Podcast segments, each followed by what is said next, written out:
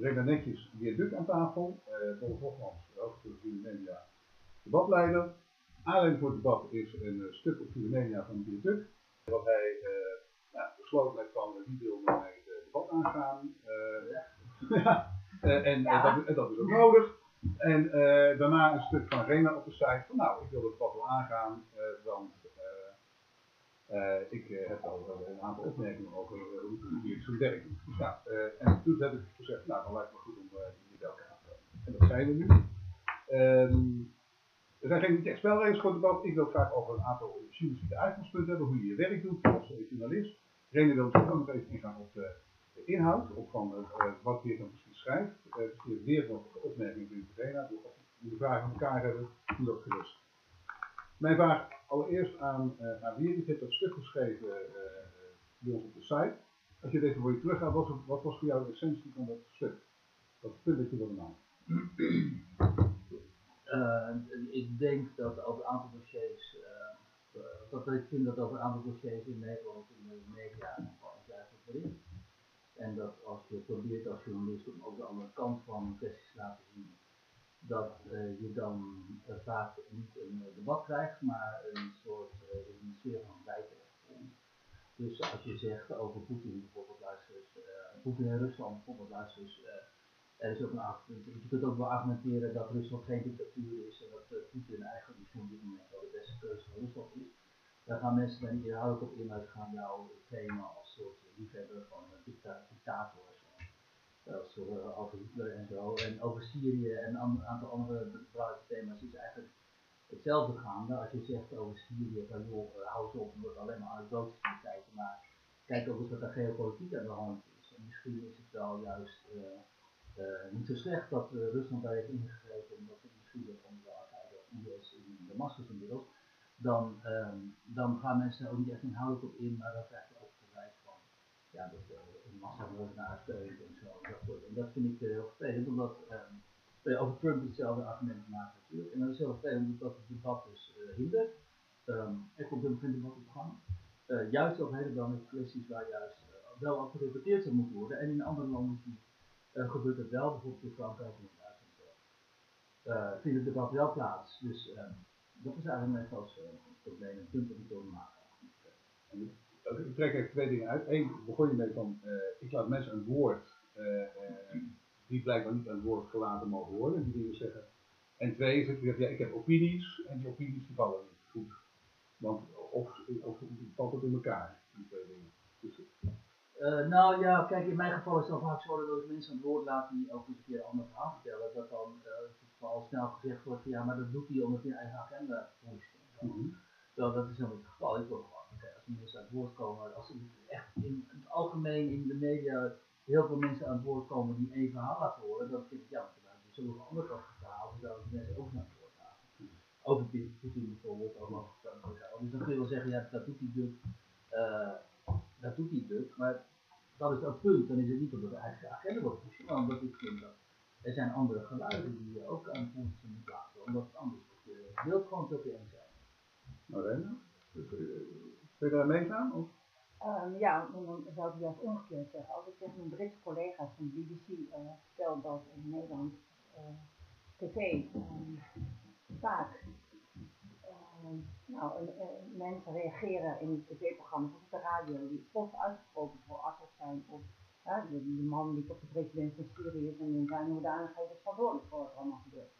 Dat, laten we wel zijn. En, Um, dan uh, schrikken die collega's en zeggen kan het uh, dat uh, met alles wat er aan de hand is, ehm, de overgrote dosis van de doden wijzen alle rapporten uit, Human Rights Watch, de Monitor, nou, noem maar op, de VN niet vergeten, die de meeste gedocumenteerde rapporten, die laten zien dat 90, meer dan 90% van alle doden um, door Assad en Co, dus door Assad en Rusland en Iran, vallen in Syrië. En hoe kan het dan? Dan toch nog dat in Nederlandse media uh, mensen zeggen, ja, sorry, maar moet toch met Assad werken, want hij werkt tegen uh, terroristen. Nou, um, maar, maar, nee, ik haal helemaal niks door elkaar. Grosso modo wil ik zeggen, Assad is verantwoordelijk. Ik zal het heel kort voor je samenvatten. Ik weet dat Syrië is. Eh, als je, je had al nee, ik hou niet al die voor elkaar. Ik zal het even heel simpel maken dan. Oké, eh, 90, ruim 90% van de doden met afval van de oorlog. 5,5 miljoen vluchtelingen buiten Syrië, 6,5 miljoen in Syrië opgevlucht. En sterft van de honger. En dan toch nog zeggen van ja, we moeten Assad steunen. Dat kan er bij BBC-journalisten, bij de Britse journalisten staan perplex. Als ik dit zeg. Franse in Engeland. En Franse journalisten, ja, maar de, de hoofddood. BBC lijkt me in dit geval nou niet echt de meest eh, betrouwbare. Oké, dan houdt het op. Dan houdt het op. BBC is niet betrouwbaar. Oké, dan, dan, ja, dan wordt het ingewikkeld als BBC en al die- Eh, dat niet goed betrouwbaar eh, is, dan. eh, ja. Ja, maar ik zou niet goed, niet goed aan op de autoriteit van de BBC dat het beroepen. Want, want wie die dit weet het beter. Nee, maar is de BBC dan gezaghebbend in dit, in dit, geval zo? Nou ja, zij hebben bijvoorbeeld in Syrië een, een dozijnen aan producers waar de NOS nul heeft. Ja, maar Om is wat te noemen. in En- en- En. Egypte, hetzelfde verhaal. En zij hebben, de BBC heeft allemaal mensen die Arabisch kunnen spreken en het Nederland bijvoorbeeld niet. Jij spreekt ook geen woord Arabisch, moet bouwend uitspraken over Syrië, terwijl je media daar niet eens kunt volgen. Ik kan niet eens volgen wat de staatsmedia daar vertelt of dat soort dingen. Je ontgaat, wat je zelf niet bewust bent, geeft ook niet, want die niet Arabisch, maar je ontgaat een hele wereld aan Arabische media, die mensen die wel Arabisch kunnen allemaal zien. En daardoor is die beeld van Net zo ontgaat, net zo ontgaat jou de hele wereld aan media. Ja, maar ik, ik schrijf ook niet over Rusland. Ik heb nog nooit een stuk over Rusland. Dat is dus het verschil. Ik Nou ja, schrijf wel nooit een stuk over Rusland. Ik ook nooit een stuk over. Maar, maar, maar je zegt wel op tv dingen over Syrië, bijvoorbeeld zoals in BNL. En ik zal nooit op tv iets over Rusland zeggen. 0,0. Oh, Dat is staat het altijd verschil. goed in. En Poetin en de hebben bemoeienis met Syrië. Nou kijk, waar Ja, het hier ik- om ik gaat is, je uh. Redenetjes die zegt van 90% van slachtoffers enzovoort. En dan gaat hier over slachtoffers. Ja, dat ongetwijfeld zal, zal zo zijn. Maar eh, dat is het hele punt hier. Als je een geopolitieke analyse maakt van wat er in Syrië aan de hand is, dan begin je niet met het aantal slachtoffers. Wacht dat is even, een, wacht even. Het aantal doden, 400.000 doden, dat, dat, dat is niet het punt. Ja, dan. Nee, dat is niet dan zou als je een geopolitieke analyse maakt van de situatie in Syrië, dan ga je niet beginnen met het aantal slachtoffers. Wat op zichzelf een tragedie is en een ramp, maar dan begin je te kijken wat is hier gebeurd, en wat is hier gaande, wie zijn de belangrijke spelers, hoe ziet het, het uh, slagveld eruit, uh, wat kunnen we verwachten. Nou, en dan zien we dus dat Syrië uit blijft vallen vanwege de bemoeienissen van heel veel buitenlandse heel veel uh, buitenlandse jihadis die van Syrië zijn gekomen om daar hun slagveld te creëren en te, te strijden tegen Assad. Op een gegeven moment, die, hoe dan ook, ondanks zijn gruwelregime altijd recht in de van Syrië was, op het moment dat hij de hulp van de Russen inriep tegen tegen die groepen, daar had hij terecht in. Um, uh, wat we zagen is dat de dreiging dat als dat regime in elkaar, in elkaar zou storten, dat volstrekt onduidelijk zou worden wie daar dan de macht zou overnemen. Dat zou kunnen, dat een situatie als in Libië zou kunnen dreigen, in Syrië notabene, bij spreken. Dat zowel Al-Qaeda als de IS daar uh, actief was. En, dat er, en, en toen zagen we vervolgens dat de Russen dat niet konden accepteren, die hebben daar een basis, die hebben daar een geopolitieke interesse en de Russen bestaan om in te grijpen sinds die kant op de, die oorlog. Mag ik even paar uh, antwoorden te veel wat en dat, kun je, en dat kun je analyseren. En dat maar, maar jouw punt is een beetje, je maakt een analyse en, en, uh, en uh, wat is er mis met het maken van een analyse en, en daar, uh, ja. Lijkt mij ook. Ja, nou goed, maar dat is een beetje, en, van, nou. Ja, nou en dan, um, dan laat ik het anders punt opgeschreven. Ik denk, je gaat voorbij aan bijvoorbeeld het volgende. Uh, de vader van Assad al dan enorm geïnflueerd. Die heeft heel veel politieke gevangenen. Kijk, toen was er nog geen video, uh, zeg maar, via het internet verspreid kunnen worden. Dus was veel minder. Ik, wil, ik heb jouw uitlaat vooruit, ik wil graag dat je Arabische ik, ik wil nu even dat je mensen anders stand. Ik wil nu even, maar ik heb jou netjes uitlaat vooruit. Uh, je gaat voorbij aan, aan dat die dictators, um, zeg maar, dat mensen een behoefte om vrijheid en democratie hebben. En je gaat voor mij heel erg voorbij aan het feit dat de geheime dienst van Assad Al-Qaeda, Assad die Alawitisch, Shiïtisch, Al-Qaeda, Sunni jihadisten gebruikt, heeft naar Libanon gestuurd. Hij heeft Libanon bezet, weet, uh, Rafik Hariri en voor heel veel mensen vermoord, ook christenen. Hij heeft ze later naar Irak gestuurd, uh, naar Anbar. Uh, Petrestine heeft ze ook de bussen zien vertrekken, trok gewoon vanuit het centrum van Cairo. De jihadisten stuurde hij naar Irak, want Assad was bang dat eh, hij de volgende zijn. Saddam Hussein ging eraan en hij heeft alles gedaan om de operatie van de Amerikanen te saboteren. En ehm, insiders in het Assad-regime die nu zijn gevlucht, die vertellen mij dat zij schatten dat er minstens 1500 jihadisten door Assad naar Anbar zijn gestuurd. En dat, daardoor is Al-Qaeda in Irak groot geworden. En Al-Qaeda in Irak is het voorbeeld van ISIS in Irak. Met andere woorden, ook, uh, Assad deinst er niet voor terug om zelf jihadisten in te zetten en chaos te veroorzaken. Zolang hij maar in het zadel kan blijven. En wat je net zei, van Al-Qaeda en ISIS, die zouden Irak, in, in, uh, zouden Damascus uh, binnenvallen. Dat zijn juist die rebellengroepen. Die rebellengroepen die nu in Oost-Ghouta, Oost-Ghouta wat nu hel wordt gebombardeerd, die hebben ISIS en Al-Qaeda buiten, Irak, buiten sorry, Damascus gehouden. En bovendien waren het Het is nooit geweest dat ISIS en Al-Qaeda met duizenden manschappen voor de poort van Damascus stonden. En nog sterker, er zijn ISIS-bussen, bussen met ISIS-strijders uit Yarmouk vertrokken. Gewoon door regimegebied. Het regime is gewoon laten vertrekken. En dat gebeurt continu dat de bussen met ISIS-strijders en Al-Qaeda-strijders, ook nu uit Oost-Ghouta, dat, dat, dat de konvooien van ISIS-strijders en Al-Qaeda-strijders gewoon door het regimegebied uh, kunnen reizen van de Libanese grens naar de Iraakse grens. Nu uit Oost-Ghouta. Uh, uh, mijn, mijn punt is dat jij zegt dat uh, Assad tegen Al-Qaeda. Ik zeg dat zegt hij Hij, hij en Rusland gooien bommen op het westen van Syrië. En weet je wat? ISIS zit in het oosten van Syrië. ISIS zit in Raqqa, ze maken geen geheim waar ze zitten, ze hebben vlag op hun gebouwen en Assad bombardeert ze niet. Ik zeg dat, in, dat uh, voordat al deze quasi-revoluties in het Midden-Oosten begonnen, die ook van heel veel quasi-revoluties die ook voor heel veel deel zijn aangejaagd door het Westen, dat er weliswaar sprake was van uh, dictaturen, ook in Syrië, maar dat er in ieder geval sprake was van uh, stabiliteit en mensen konden in ieder geval een min of meer fatsoenlijk, wat mensen konden in Syrië gewoon een fatsoenlijk bestaan leden. Noord-Korea is ook er was. Nou ja, Syrië was natuurlijk helemaal geen Noord-Korea, net zoals dat zoals Rusland dat niet is. En met, uh, vooral konden al die religies uh, onder uh, Assad daar gewoon met elkaar samenleven. Dus dat zeggen Syriërs ook allemaal, of nou christelijk zijn of moslim of whatever ze zijn, orthodox, ze zeggen we leven in ieder geval onder Assad. in, konden in vrijheid onze religie beleven. Uh, vervolgens zijn dan die revoluties in het Midden-Oosten opgestart, zijn overgeslagen naar Syrië, die opstand daar, en uh, uh, waarvan we nog steeds niet weten wie nou precies die voetbal destijds hielpen en aanjoegen. Met als resultaat dat enorm veel grote stromen buitenlandse jihadis over Syrië zijn gekomen. Ik kon het hetzelfde zijn, het van duizenden systemen in Syrië. En het is ontegenzeggelijk zo dat de, mensen uit Syrië nu oneindig veel slechter aan toe zijn dan onder dat uh, van Assad, dat ook een gruwel regime was, maar in ieder geval konden mensen daar nog normaal leven. Net zoals mensen in Irak onder Saddam nog min of meer een normaal leven konden leiden en vervolgens na de invasie niet meer. Dus Sterker hoe dan ook. Is nog steeds aan de Als ik het even mag samenvatten, dan zie ik, ik dus ging naar net op een bepaalde visie op wat er op dit moment in Syrië gebeurt, ook onderbouwd met en ik zie uh, weer Duk, een journalist, en die heeft een bepaalde visie op wat er eigenlijk is. Ik wil nog twee, twee opmerkingen maken. Ja, Ooit. tuurlijk. Maar, en, en dan nou, maak jij twee opmerkingen, nou, dan wil ik een beetje toe. Even, even over die buitenlandse jihadisten. Het overgrote deel van de jihadisten in Syrië nu uh, trouwens allemaal vrijgelaten in 2011 uh, door Assad zelf. Maar, uh, niet de liberale liberisten, die heeft hij vastgehouden. Die worden doodgemoppeld. Jihadisten vrijgelaten, alles.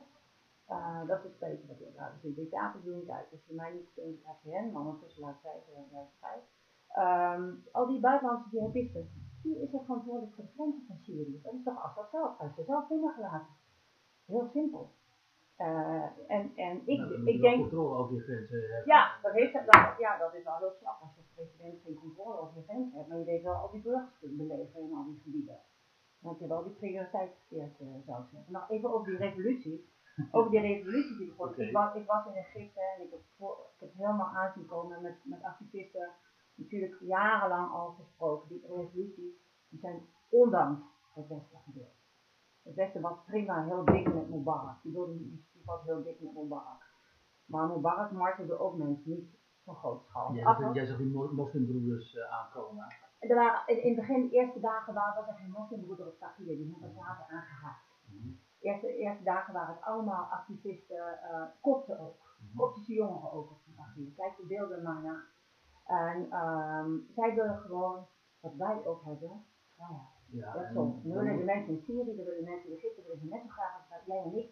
En zelfs hebben zij daar nog een grotere prijs voor over. Al die liberale jongeren, die zitten in Syrië in de gevangenis en in Egypte in de gevangenis. Ik zie in Nederland nog niet zoveel. Maar wat je Mensen dan die met gevaar voor wij als journalisten dan deze mensen moeten gaan helpen of zo? Je Helemaal niet, helemaal niet. activist. Ik, ik, ik, wat ik wil zeggen is dat jouw analyse, dat jij zegt dat die revoluties zijn gebeurd, aangestuurd door het Westen. Ja, Nee, de jongeren hebben dat zelf gedaan. En het Westen is, heeft, Obama heeft nog heel lang Mubarak gesteund en pas op het laatste moment laten vallen. En het Westen wil ook, het Westen wil eigenlijk liever dealen met dictators, want het is lekker makkelijk. Als je één man die je belt, je kan je wapens verkopen, lekker makkelijk. Maar als een heel Er is ingewikkelde... grote hoop rond die Arabische ja, eh, ben ik je eens. Eh, uiteindelijk is het helemaal fout gelopen omdat in die landen nu eenmaal geen, co- geen traditie en geschiedenis is van eh, democratie. Dat is nu wat dat in Rusland het geval is. Eh, de grote fout van het Westen is dat wij altijd onze ideeën over democratie projecteren op dat soort landen en denken dat democratische regimes stand komen. Eh, dat is niet gebeurd, want uiteindelijk gaat die moslimbroederschap van de revolutie, dat uiteindelijk loopt zo'n revolutie uit in het compleet bloedvergieten. Of in Rusland, als, er- als, dit Rus, als er op dit moment regime change zou plaatsvinden in Rusland, dan krijg je daar een burgeroorlog die oneindig veel slechter zou zijn als wat we nu hebben met Poetin. En dat is telkens het punt dat ik probeer te maken. En wat Rena net dus niet, niet, niet accepteert dat is dat je voor deze landen nu eenmaal niet dezelfde maatstaven kunt aanleggen. Als die hier gelden in landen waar honderden jaren traditionele. Uh, Precies, maar je moet ergens een Dus, keer beginnen, dat is mijn punt. wij moeten heel beginnen, wij moeten slag doen voor wat gaat. Precies. En analyseren. Ja, maar, maar jij zegt, oké, maar, maar dat doe je, jij zegt hele gebouwde woorden. Dan zeg jij van deze landen, uh, wat jij, die zijn helemaal niet geschikt of klaar voor, voor democratie of wat dan ook. En dan denk ik, nou, dan onderschat je toch en dan doe je echt tekort aan heel veel jongeren die met gevaar voor eigen leven of die zelfs de dood hebben betaald om toch democratie te krijgen, ook al tegen beter weten in, tegen, tegen de klippen op, blijven vechten en blijven strijden voor, voor vrijheid. Ja, en, dan denk, en dan denk en ik, ja, maar, maar, eh, maar, maar, maar NGO's jij zet ze weg als van ze hebben totaal allemaal geen traditie. En, dan, en ik Nee, ken jongeren die nog steeds. Ik, wijs op de geschiedenis van die landen en ik wijs op dat op dit moment in Nou, dan, maar alleen maar, maar Israël een functionerende democratie heeft en geen enkel ander land. Eh, is, is wel alleen maar voor het Joodse deel. Nee, voor de bezette dat is Westbank is er natuurlijk niks geen Arabische. Israëli's hebben net zo goed stemrecht. Er zit op Maar het ik heb het over parlement. de Westbank.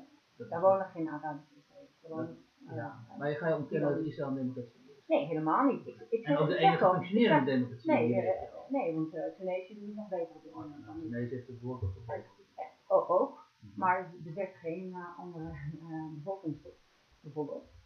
Dat is een, en eh, ik- er zitten heel veel uh, minderjarige jongeren in Israël in detentie zonder enige vorm van proces. Eh, Dat is in Tunesië niet zo. Ik zeg niet dat Tunesië perfect is, maar, Nee, maar, maar ik- maar we hebben toch wel een paar eh, waar Israël Tunesië beter afzeggen voor. Maar ja. Maar wat En je doen zegt is- Arabische wereld. Maar ik ga toch is even te-. Wat we nu doen is een debat voeren. Waarin je, je ziet van nou, eh, jij hebt een bepaald standpunt. eh eh, en ik ben functie de weg mee op wat er gebeurt. Jij kijkt op een andere manier naar en je hebt een debat. En, Dat was de bedoeling, toch? Nee, nee, nee, maar, maar, maar en waarbij ik ook even toe ben van het punt dat uh, dit een stuk maakt, is dat inhoudelijk debat dat mis ik eigenlijk een beetje. Want er komt er hetzelfde aan toe. Want voor je het weet ontspoort dat debat in uh, uh, tegen elkaar uh, schreeuwen in plaats van uh, argumenteren. En vat ik verkeerd samen of niet? Uh, nee, dat, dat, klopt wel. Maar ook nu uh, zie je dat, uh, dat Reden zich opstellen, dat is ook erg, maar dat Reden zich vooral ziet als activist in plaats van journalist. En dat maakt een gesprek en een debat hierover sowieso gecompliceerd natuurlijk, omdat mijn uitgangspunt er anders is. En ik, kijk, Kijk, ik vind dat nou, ik vind dat nou echt, uh? Nee, helemaal niet. Ik, ik, ik ben gewoon Nederland. En ik vind dat nou weer heel flauw dat op, op, op, op de flanken zulke soort dingen. Ik was juist blij, ik dacht juist dat we nu een behoorlijk, behoorlijk in, uh, in, uh, inhoudelijk debat hadden. En dan ga je weer, weer, weer, weer weg met de activist. Ik kan hetzelfde voor jou zeggen. Jij hebt ook bepaalde uh, denkbeelden en daar blijf je aan vasthouden. Jij zegt op tv dat, dat een burgers route, die, dat ze um, in de greep worden gehouden door Al-Qaeda. Terwijl, terwijl uh, 1% van, van de strijders daar een Nusra is. En die zitten vooral nog gevangen, ook nog in gevangenissen van andere rebellen. En, en Assad heeft ze trouwens vrijgeleiden. Dus, dus wat dat betreft ben jij heel activistisch en niet nauwkeurig genoeg in wat, wat daar precies gebeurt. En heel veel bronnen, dan had je niet kunnen weten dat het niet zo is.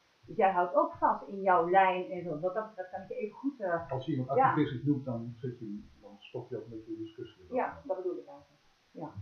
Eh, Want daarmee zeggen ja, je bent geen journalist en je, hebt- je baseert niet op feiten, eigenlijk hoef je niet te serieus te nemen. Nee, dat zeg ik niet. Ik zeg dat, eh, dat het lastig eh, discussiëren is als je het eigenlijk over hele andere uitgangspunten hebt. En als journalist vind ik, althans dat mijn taak als journalist, om te kijken wat er nou gaande is en die situatie te analyseren en het zo goed mogelijk te beschrijven op basis van alle Maar dan ben ik het helemaal met je eens. Ja, maar Ik allemaal helemaal geen niet- uitgangspunten. En dan niet per se vanuit te beginnen vanuit eh, die jongeren die daar dan die revolutie zouden hebben eh, eh, gecreëerd of de slachtoffers en zo. Dat, dat die slachtoffers zijn een gevolg van ontwikkelingen die je moet beschrijven. En het feit dat die jongeren inderdaad die revoluties begonnen, maar dat die revoluties mislukt zijn. Eh, dat tweede is vooral eh, onderwerp natuurlijk van eh, journalistiek onderzoek. Waarom is het zo dat die revoluties daar, die misschien inderdaad hoopvol beginnen, en waarvan hè, je kunt denken dat is een soort democratisch begin of zo. Waarom mislukken die in die regio altijd? En dan weet je ook waar je de volgende keer op in moet zetten, namelijk op, de- op de gedachte dat ehm, die, die, die zo'n opstand misschien in die context wel weer opnieuw gedoemd zal zijn te. Dus dan weet je wat je moet gaan, eh, onderzoeken. Nou, ik wil er graag wat, want ik ben daar dus dagelijks mee bezig. Ik ben ook dagelijks aan het onderzoeken. Ik interview heel veel mensen eh, daarover. Ehm, in het kort gezegd kun je zeggen Egypte, Libië, Jemen, hè, die revolutielanden, dat Saudi-Arabië en de Emiraten, die waren doodsbang dat, eh, dat de revolutie naar hun zou overwaaien. De, het Saoedisch Koningshuis was bang om te het Emirati uh, Prinsenhuis ook. Die hebben miljarden betaald aan, aan, uh, aan Sisi om uh, die uh, revolutie definitief in te dammen. Ze doen in Libië met ze doen hetzelfde nu in Tunesië. Dus die, die mensen met geld en wapens, daar kunnen de jongeren zonder geld en wapens niet uh, tegenop. Dat is in het kort waarom de contra-revolutie dus dient van die revolutie. En die die barsten zo van het geld en die bombarderen zo heel Jemen kapot. Uh, nou ja, daar, daar, daar zit ik nog gewoon niet. Maar daar heb jou ook jouw rol in het debat. Uh, weer zegt, ja, uh, het is lastig, met een, met een activist is voor ingenomen en dat is lastig met discussiëren. En ik ben een journalist en ben niet voor ingenomen en ik onderzoek. En, ja, en, en, en, bedoel, Weet je, eigenlijk, ben jij zo voor eigenlijk, ingenomen? Eigenlijk vind ik het heel erg kwalijk, inderdaad. Want ik ben ook journalist en ik ben helemaal niet voor ingenomen. Ik ben wel alle, alleen met mijn hele leven al met uh, Midden-Oosten bezig. Ik heb Hebreeuws en Arabisch gestudeerd. Ik in verschillende landen. Ben continu uh, aan de praat met mensen uit de, die regio, op de media uh, continu. En uh, ik, ik zet ook mijn mening elke dag bij. Maar het is wel zo dat ik na uh, 30 jaar fulltime met de regio bezig geweest, dat ik wel ergens een mening over heb. Ik heb heel lang ook uh, mening voor mezelf gehouden. Pas de laatste jaren denk ik van, nou, ik heb genoeg uh, expertise en kennis op, opgebouwd. Uh, ja, als ik er nu in ieder geval van ga zeggen, ja, dan, dan ja, ik vind dat ik er wel wat van moet zeggen. Ook, ook omdat wat mij drijft is juist die holocaust, waarbij, ja, als je zegt van, die regio's hebben geen traditie van democratie. Dan kijk wat in onze regio is gebeurd.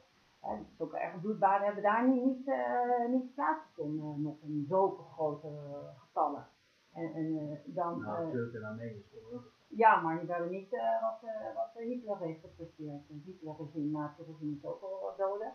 En, maar nu neem ik afstand op. Of, nee, nee, nee, helemaal, nee, wat ik wil zeggen is, als je wil zeggen van. Hij is maar net geen Nee, dat, ik, ik, die, die begrijp ik niet. Dat is zo, Maar wat ik bedoel is, als, als, als je zegt van die regio heeft geen traditie in democratische waarden, nou dan valt ook wel wat op onze regio te zeggen. Uiteindelijk kun je altijd proberen om het toch beter te maken. En dat is wat mensen wist niet tegen beter weten in. Toch blijf proberen. Ja, maar dat is niet jouw taak. Twee dingen. Ten eerste, het is mijn taak om dat te signaleren en ik signaleer dat. En dat wil ik alleen maar hier naartoe brengen. Het is mijn taak verder helemaal niks. Ik ben Nederlands, ik heb niks met die regio van doen verder, ja, dus mijn, zijn mijn land is mijn land niet. Maar ik vind wel dat je een eerlijk beeld moet brengen. Het is niet zo zwart-wit van uh, hier uh, zijn mensen alleen maar geschikt voor democratie en daar helemaal niet. Nee, het is voor grijzer.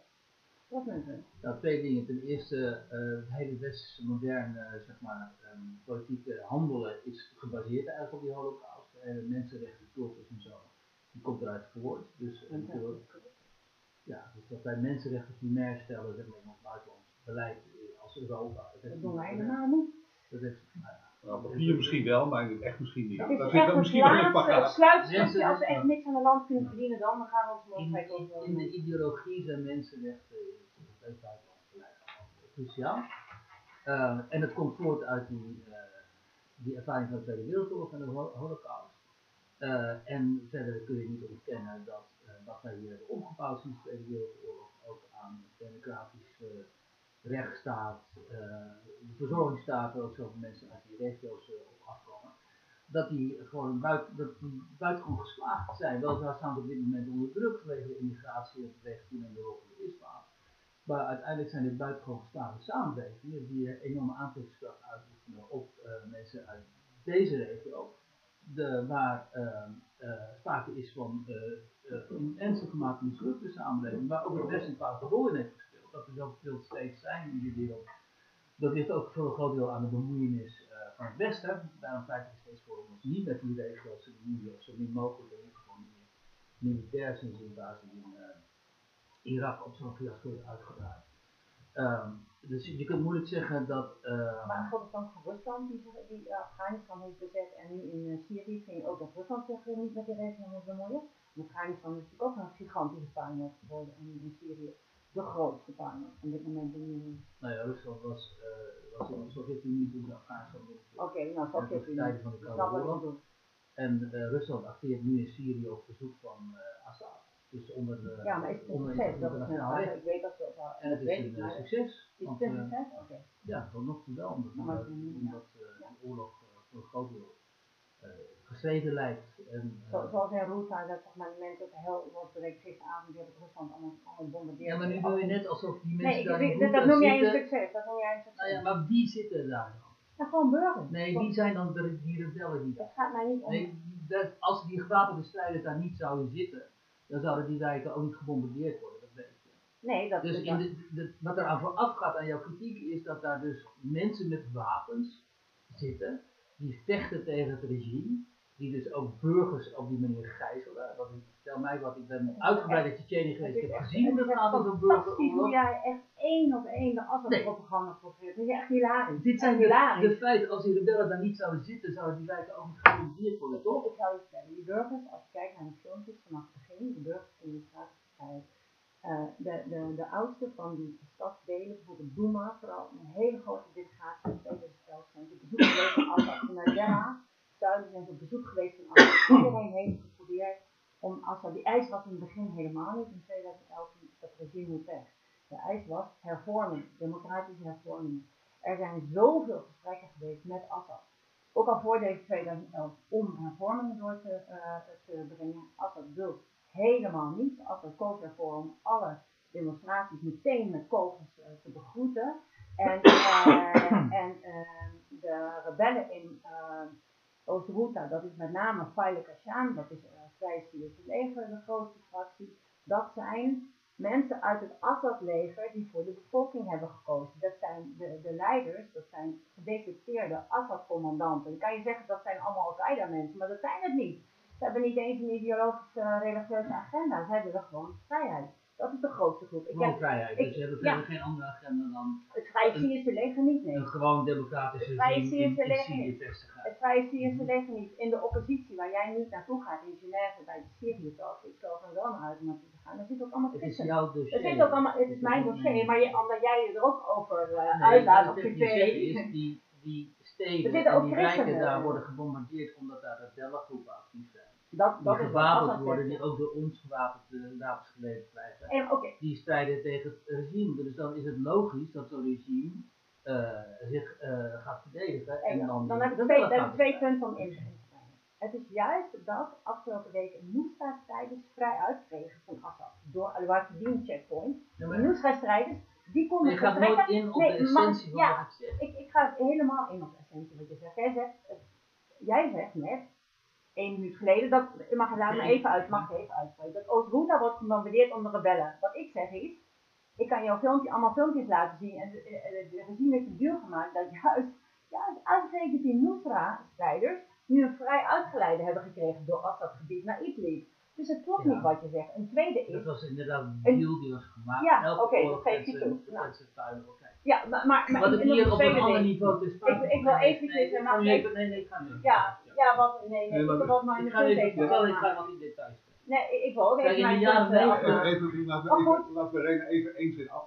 probeer dank het je. Ik doe het even, even één zin. maar probeer het even eens. Als, als dat rebellen bombardeert, dan mikt hij wel enorm fout door 22 hospitaals te bombarderen. Door honderden kinderen te bombarderen. Door scholen te bombarderen. Door ook gezien wat er met Rafa en Mosul gebeurd is, allemaal platgelegd. En- gaat En het niet- niet in die mate.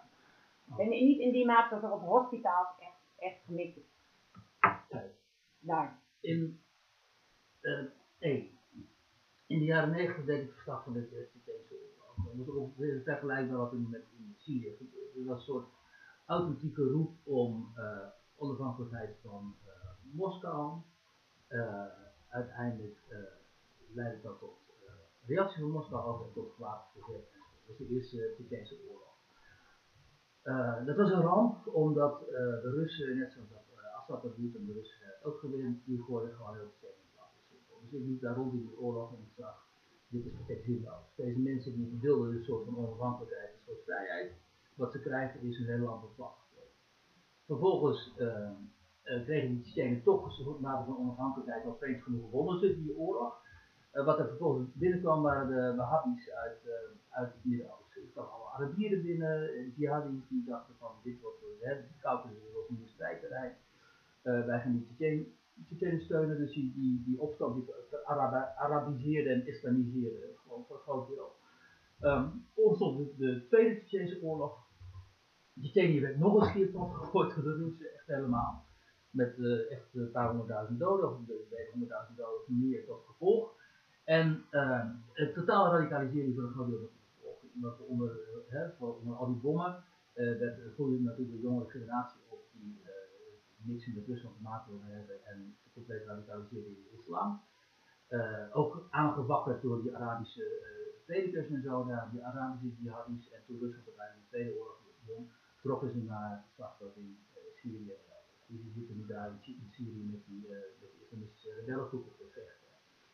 Uh, allemaal het gevolg van het feit dat uh, zo'n opstand uh, zo op zo'n brute manier werd neergeslagen. Ook, ja, dat nog even over eens uh, weer. Ook van het feit dat, die, dat de commandanten die, ook, die die opstand leidden en, de politiek, en hun politieke bondgenoten onderling het niet eens werden, politieke amateurs waren, uiteindelijk tot geen enkele deal in staat bleken met, met Rusland en dus op dat terrein ook uh, faalden. Bovendien ook werd uh, vanuit andere, uit, vanuit, het Westen en zo ook aangemoedigd en gesteund. En precies hetzelfde hier gebeurde in, in Syrië.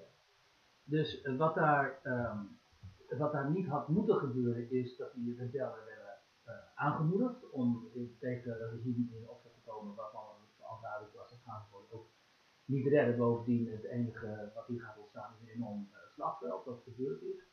Um, we hadden Assad niet op die manier moeten demoniseren, want wat, wat het Westen heeft gedaan op een gegeven moment is te zeggen van uh, we gaan alleen nog, uh, we willen alleen nog een deal maken als Assad weggaat. Wat onmogelijk was, wat, hè, nou, dat is wel gezegd, dat is die oorlog ook nog langer is laten voortduren. En vervolgens hebben wij de interventie van Rusland van Poetin bekritiseerd en ook niet op waarde geschat. Dus als je dan, dus waar ik voor pleit is, als je nou uh, dit soort situaties bekijkt met, met de ervaring die je ziet in andere delen van de wereld, nou, zoals in Tsjetsjenië bijvoorbeeld, en je bedrijft realpolitiek, um, dan zorg je ervoor dat de rebellengroepen in ieder geval die strijd voortzetten, je probeert, probeert een deal te komen, je zet alles erop in om mensen aan tafel te krijgen en in ieder geval aan te moedigen om toch later te verzetten. Maar als je die rebellengroepen gaat heroïseren en zegt, kijk eens, komt die, die, die, die, die heldhaftige rebellen, dat dat brede regime van Assad, we moeten iets doen, we moeten ze steunen. Dan vind ik dat je totale trouw bent en dat je een, een fout frame op zo'n um, conflict legt. En uh, precies dat is wat mensen, journalisten als Rena doen, omdat ze kijken naar, van, naar, hè, naar de menselijk leed. En kijk eens wie dat menselijk leed daar allemaal aanricht. Dat is toch Assad en daarom moet hij weg, want hij is een soort van En net zoals als Poetin, hij is toch een soort van brede dictator en zo. En daar kunnen we geen zaken mee doen. En dat is volgens mij, in de, daar gaat de analyse volgens mij niet. Nou, ik zou zeggen waarom uh, die analyse juist niet gaat. Ik, denk in de eerste plaats, als je nu naar mensen het leed mag kijken, ja, dan dat is voor mij inderdaad het belangrijkste. Maar juist die, die dat leed veroorzaakt. Syrië veroorzaakt alle, alle mensen, alle groepen dat leed. Dus het, hè, gaat mij alleen maar om mensenleven. Dat is nergens anders. En maar wat ik nou zei, de, de, de hoofdmoot, 90% plus, is wel Assad en Co.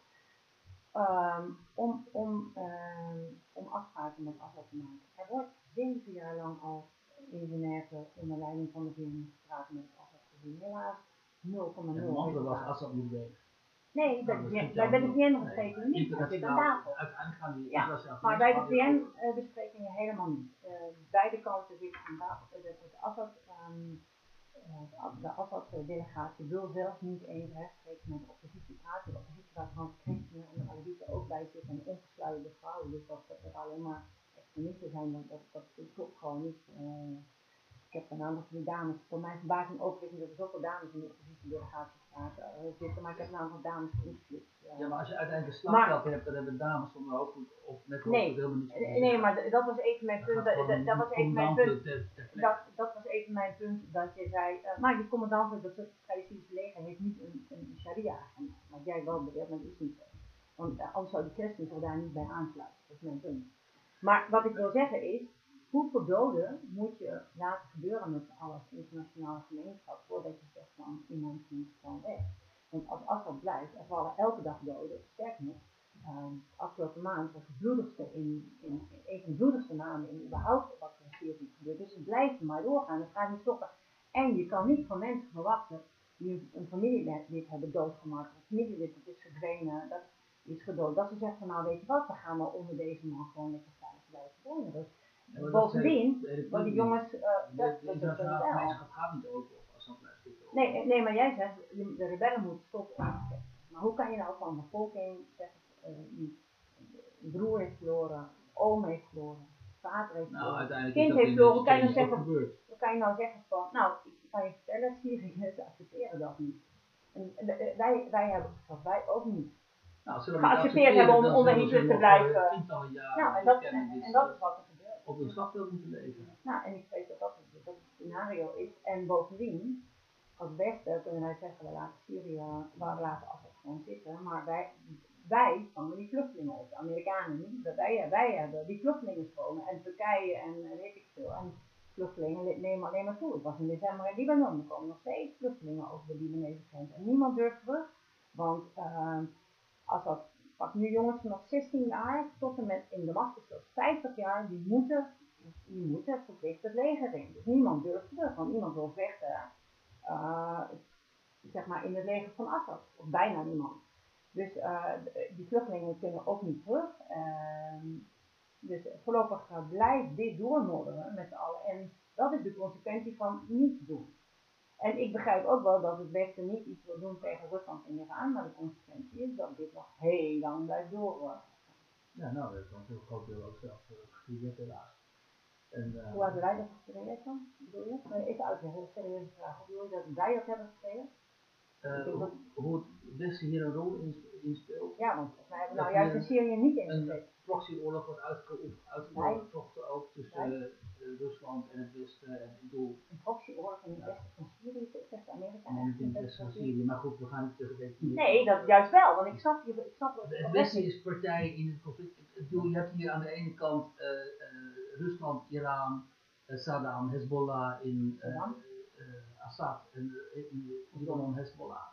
Aan de andere kant heb je Israël, Saudi-Arabië, de Verenigde Staten, Europa. Dat, zijn blokken die niet tegen, maar tegen elkaar over tegen nou, nee, nou nee, de internationale gemeenschap zegt alleen maar tegen IS, wat Assad juist niet doet. De internationale gemeenschap zorgt dat IS uit Raqqa en zo wegblijft. En, en Rusland, helaas pindakaas, Assad helaas pindakaas, gooit nou misschien 1, 2% van de bommen op IS-gebied, maar juist allemaal op op uh, niet-IS-gebied. Dat is nou juist het hele punt. Als één macht uh, IS heeft te bevechten, dan zijn het de Russen geval. Nee, dus juist niet. Uh, nee, nee, nee, nee, hier, ga je helemaal de van bijhalen zijn de Rusland in duizenden IS-strijders En um, Rusland gooit um, bijna alle bommen op West-Syrië. Ja, En- En daar, en daar zit nou toevallig geen IS. IS zit in Raqqa en zo in Nee, maar Oost-Syrië. zowel voor Rusland is dat het regime in Damascus Precies. overeind blijft. Ondertussen schakelen ze Weinig met IS ook duizenden IS-strijders uit, omdat Poetin als het dood is, dat die Tsjetsjenen terugkeren naar de Caucasus en daar weer een Maar het is niet te vergelijken wat de internationale gemeenschap doet. En het Vrije Syrische leger, wat hier in Nederlandse media niet eens had. Hè. Maar eh het Vrije Syrische leger heeft duizenden manschappen verloren in de strijd tegen IS. En dat kan ik de afgelopen gezien niet zeggen. Goed, we hebben hier een debat. Moeten we nog hebben over dat we Koerden zullen steken Nee, maar goed, wij- Ik heb altijd nog een. Ja, maar je kan niet om voor een debat over Syrië. en daarom, daarom dus ik proberen over- richting journalistiek te draaien. Dat, want ik heb het al heel veel laten gaan, maar ik denk, nou, het is in ieder geval een inhoudelijk debat. En eh, dat is ook eh, eh, waar jij ook eh behoefte had van, nou, ik wil de nieren eens proeven over het gaat om van, hoe komt Weert nou aan zijn eh, overtuigingen en zijn opvattingen over eh, Syrië en wat vind ik daarvan. Maar nou, ik probeerde het ook een beetje bij jou te vragen, want volgens jou goed recht, eh, ik zie je toch een beetje richting over Syrië, maar van, als Weert tegen jou zegt van, je bent meer activistisch journalist en je gereageerd, maar hoe kijk je dan naar Weert als journalist? Zie je, vind je hem een journalist die op basis van feiten zijn berichtgeving doet, of kijk je op een andere manier tegen? Nou ja, ik, ik ben oprecht blij dat we dit debat hebben. Daarom ben ik ook uh, en een uh, schreef. Want uh, al een, gewoon een tijdje geleden, in de tijd van die gifgasaanval in Gaanse Groen, bijna een jaar geleden, um, en nog wel eerder en later, zag ik dat jij, dat, dat gewoon een, een paar hoogtes bestrijden die echt aantoonbaar uh, hoogtes waren. En ik heb daar toen op Twitter op gereageerd, maar ja, tussendoor ging dat geen tijd. Maar goed, uh, nu is het toch nog goed gekomen.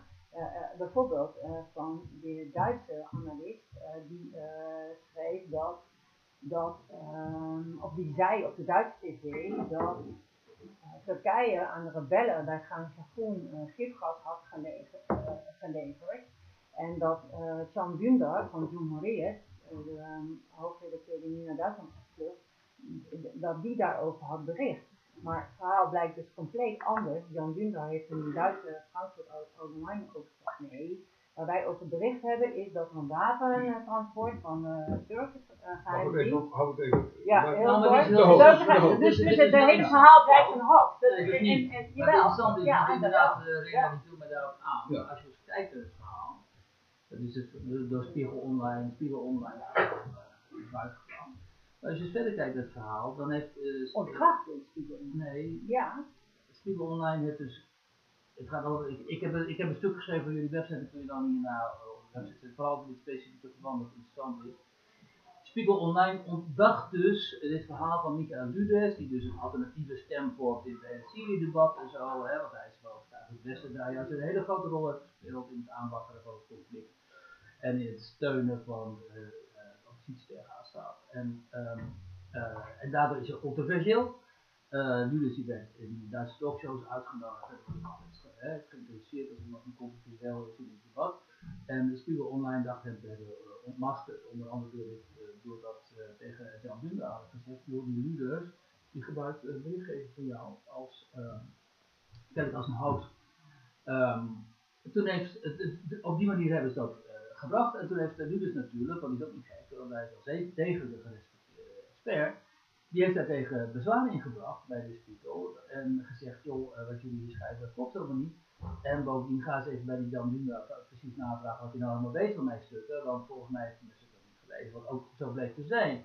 Dus toen heeft de Spiegel in een naschrift uh, uh, gezegd, althans ze hebben Luze aan het woord gelaten, ze hebben dus reden voor laten doen. En ze hebben ook aan Dunda gevraagd, waar klopt dat wat Luze zegt? En hij gezegd, ja dat klopt, ik weet eigenlijk ook niet precies waar het over ging, maar ik had alleen maar deze, deze summierde informatie. Dus het hele verhaal blijkt vele malen genuanceerder te zijn uiteindelijk, maar goed, dat zal ik op jullie website al publiceren dan uh, aanvankelijk werd gesteld door de Spiegel Online.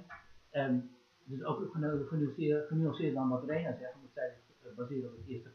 Nee, nee, het gaat, nee, nee. Ja, Het gaat ja, echt, wel. nee, het is heel wat anders. Uh, Luders heeft gezegd op de Duitse tv, en dat hij heel heel neerzetten, dat Lunder zou hebben geschreven, uh, zijn krant, Jongerier, dat Turkije gifgas levert aan de rebellen in Idlib. Maar dat verhaal heeft helemaal niet in Jongerier gestaan. Van Wiener reageert erop vervolgens in Duitse media. Totale onzin. Hij zegt, wat wij hebben geschreven is dat een wapentransport van de Turkse geheime dienst, dat bestemd was voor rebellen in Idlib, maar dat de Turkse grenspolitie heeft tegengehouden. Helemaal niks met gifgas te maken, 0,0. En dat is het vraag. Nogmaals, ehm, wat Ludes zegt als repliek op wat buiten is gekomen. Uh, hij zegt, wat ik heb geprobeerd aan te tonen, waar ik steeds gelijk in heb, is dat hier niet één narratief geldt voor in uh, Syrië, maar dat er meer kanten aan de zaak zitten en dat ik de andere kant van die zaak probeer te belichten mede op basis van een wapentransport. Dat ik zelfs een slag nog aan heb gehouden, zo van het zou mogelijk kunnen zijn, het kan zijn dat, en uiteindelijk is Ludus met dat verhaal dan een Dunda. En uh, die heeft uh, gezegd, althans in gewoon tegen de Spiegel Online, van ja, als je het zo bekijkt, ja, dan kan het op basis van de stukken die wij hebben geschreven, uh, inderdaad zo geïnterpreteerd worden. Dat is rechtmatig.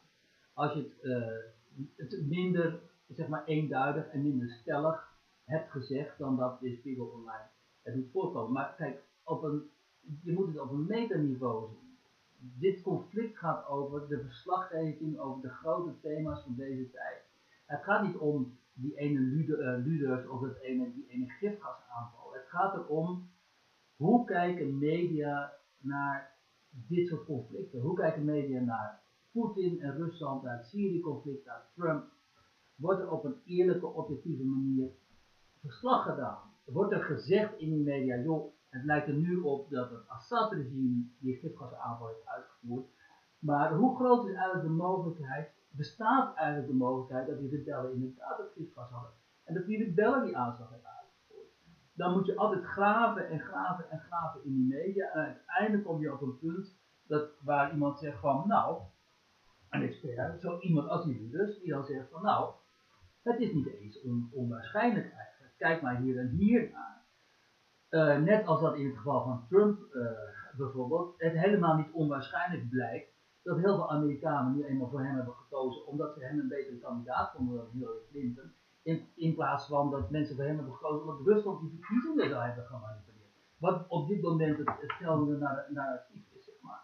Net zoals dat je moet graven naar een beeld van Poetin dat recht doet aan wie hij is, in plaats van het cliché dat uh, Poetin een soort brede dictator zou zijn die alle oppositie en de vrije pers en iedereen die uh, een andere mening op nahoudt aan het Kremlin, uh, Kremlin uh, arresteert of intimideert. Wat gewoon niet zo is. Kijk, die regio ken ik goed, ik ken Rusland goed.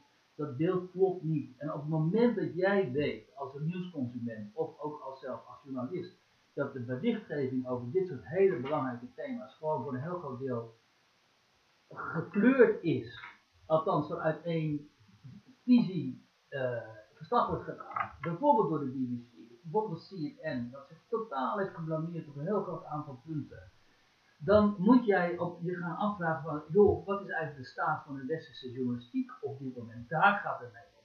Het gaat me niet om die ene Ludus. Mensen zoals Ludus zijn het tientallen. En een aantal daarvan is inderdaad de kwade trouw, een aantal gelooft de complottheorieën, maar een aantal heeft ook gewoon een punt. En die mensen die moet je aan het woord laten. Die moet je over Syrië het laten, over Poetin, over Trump. En wanneer is zo'n punt, wanneer is zo'n punt nou valide genoeg? Zeggen ja, hij heeft een theorie is... die um, niet onwaarschijnlijk is. Het zou kunnen, maar ja, ik, ik kan er nog niet tegenover Dat is dus de, de, de geestel van deze tijd, zeg maar. En dat is veel interessanter dan al dit gedetailleerde ingaan op, op, op dat slagveld en zo in deze tijd van fake news en in deze tijd waarin zoveel mensen nieuws halen van de social media, omdat ze de mainstream media niet meer geloven en niet meer vertrouwen en omdat er ook aantoonbare momenten zijn geweest waarop die mainstream media gewoon echt totaal de boot hebben gemist. Bijvoorbeeld in de verslaggeving over, over Rafah en over Mosul en zo, maar nu over Afrin. Het is zo, zo overduidelijk dat we daar gewoon maar minder over berichten, omdat het gewoon niet in ons kamer pas komt. Het komt niet in onze krant te pas dat Turkije notabene een NAVO-lid daar of in een, in, in, een, in een ander land, hallo, in Syrië, ongevraagd. Ze zijn gevraagd door Assad of zo. Ze zijn er gewoon binnengetrokken en ze, ze bombarderen die Koerden daar naar de hel.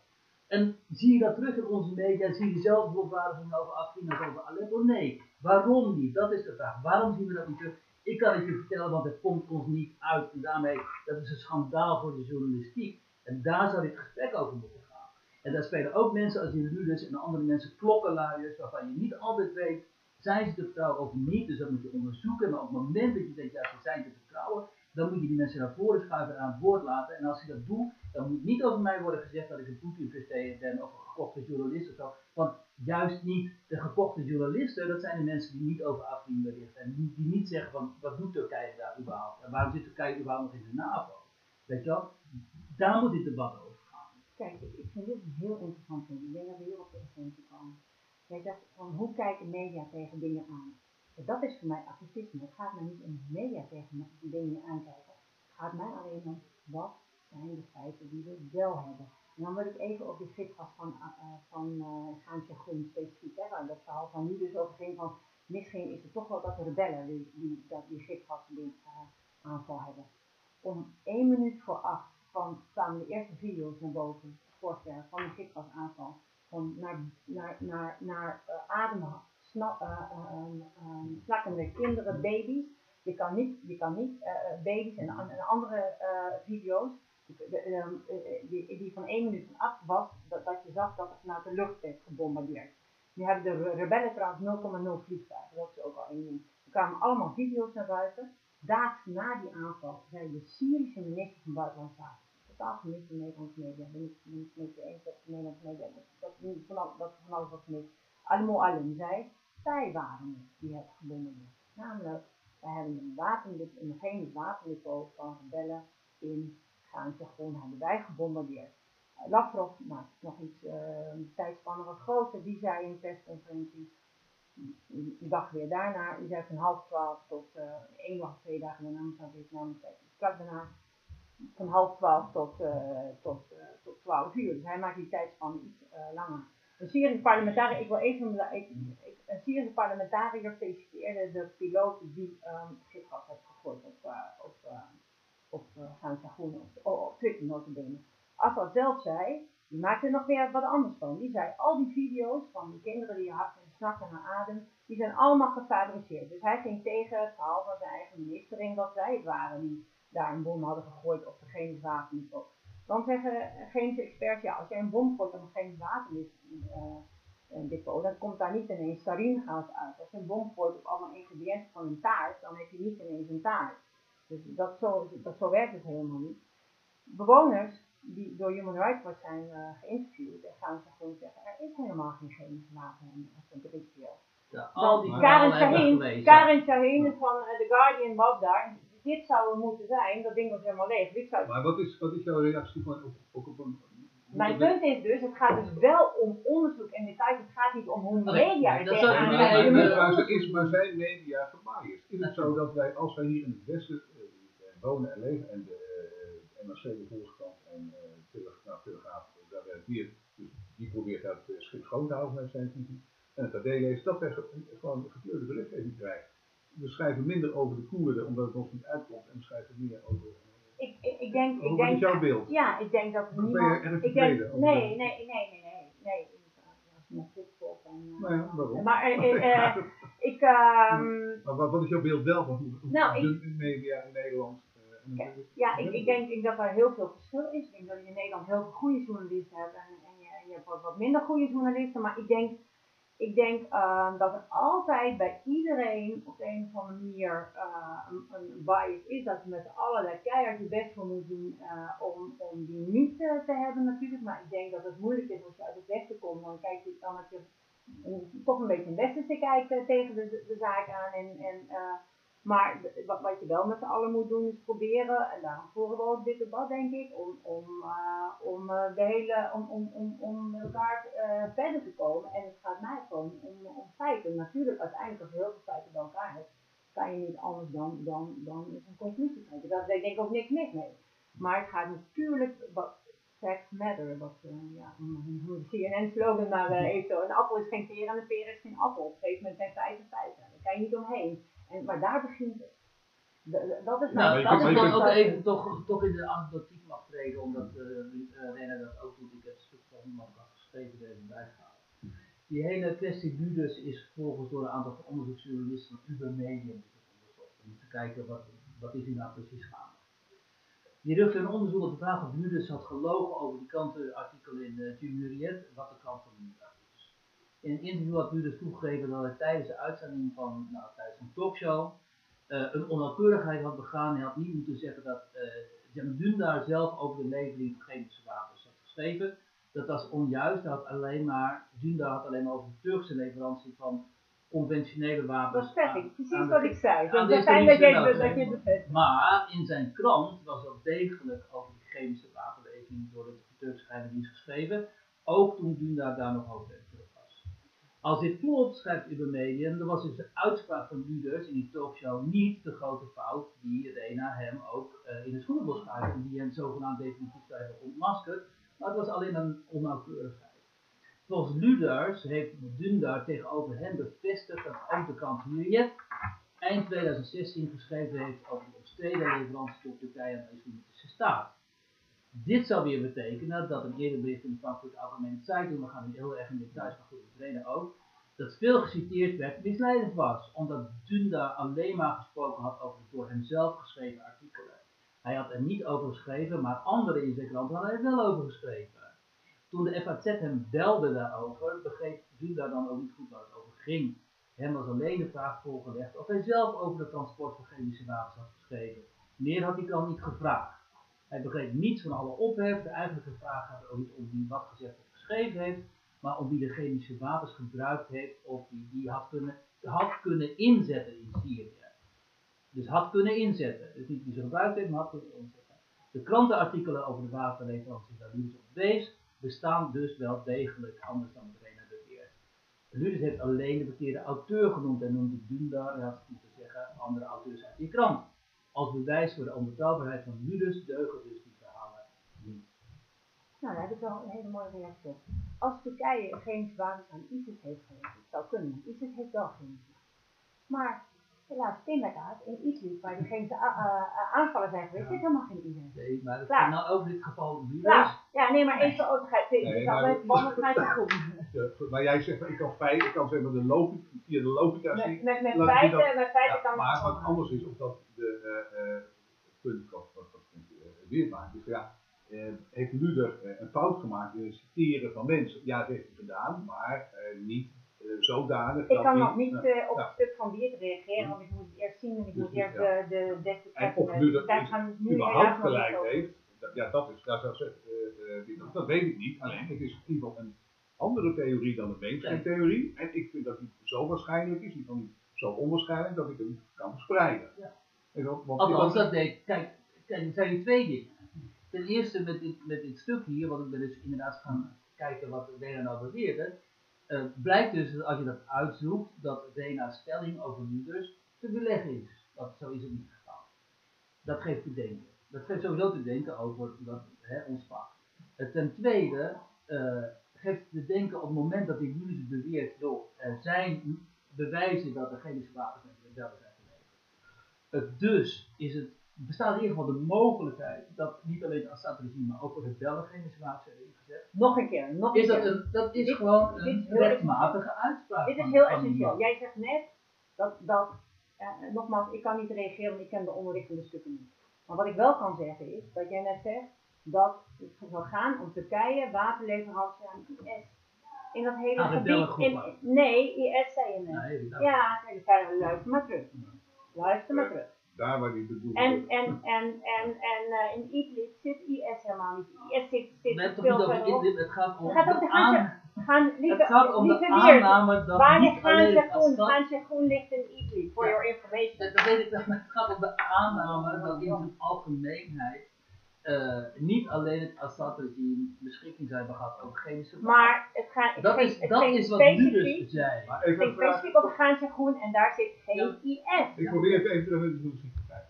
Want uh, weer zegt, ik probeer het andere geluid uh, uh, te laten horen. Dat vind ik en, helemaal prima, maar we moeten het onderbouwen. Ja, precies. Nou, en, en, en, en, en, en, hij, en hij zegt, dat doe ik. En daar, en dan kunnen we een debat over waar jij zegt, nou niet, ik heb er nog een keer naar gekeken of mij klopt toch. Jij zegt, we hebben ik ga er ook nog een keer daarop inderdaad. En dan komen we uh, tot, tot Eh, ehm, hoe, ga jij te werk? Laat jij ook zeg maar, het Assad-regime aan het woord? Of, mensen die daar dichtbij staan? ja, ik, ik heb net eh geloof ik die persconferentie van de minister van Buitenlandse Zaken eh eh, ja. Ik kijk naar de Syrische staatsmedia en ik, volgens mij ben ik, zijn niet zoveel in Nederland die, die, die media je probeert daar wel eh, beide kanten van beide partijen Eh, zeker. Kijk, ik kan zelf niet eh, naar Damascus, want Damascus levert uit aan Sisi, dus dat is een kort verhaal van mij. Dus dat kan ik niet doen. Bovendien vind ik ook dat ja, iemand die al, ook al zou maar 10% van alles, van alle doden waar zijn, dan vind ik nog niet dat ik iemand zo zo'n pasvorm moet geven. Dat is moreel een ding. En, ehm, maar ehm, ik, ik volg dus wel al die eh, persconferenties, ook in Genève, Astana.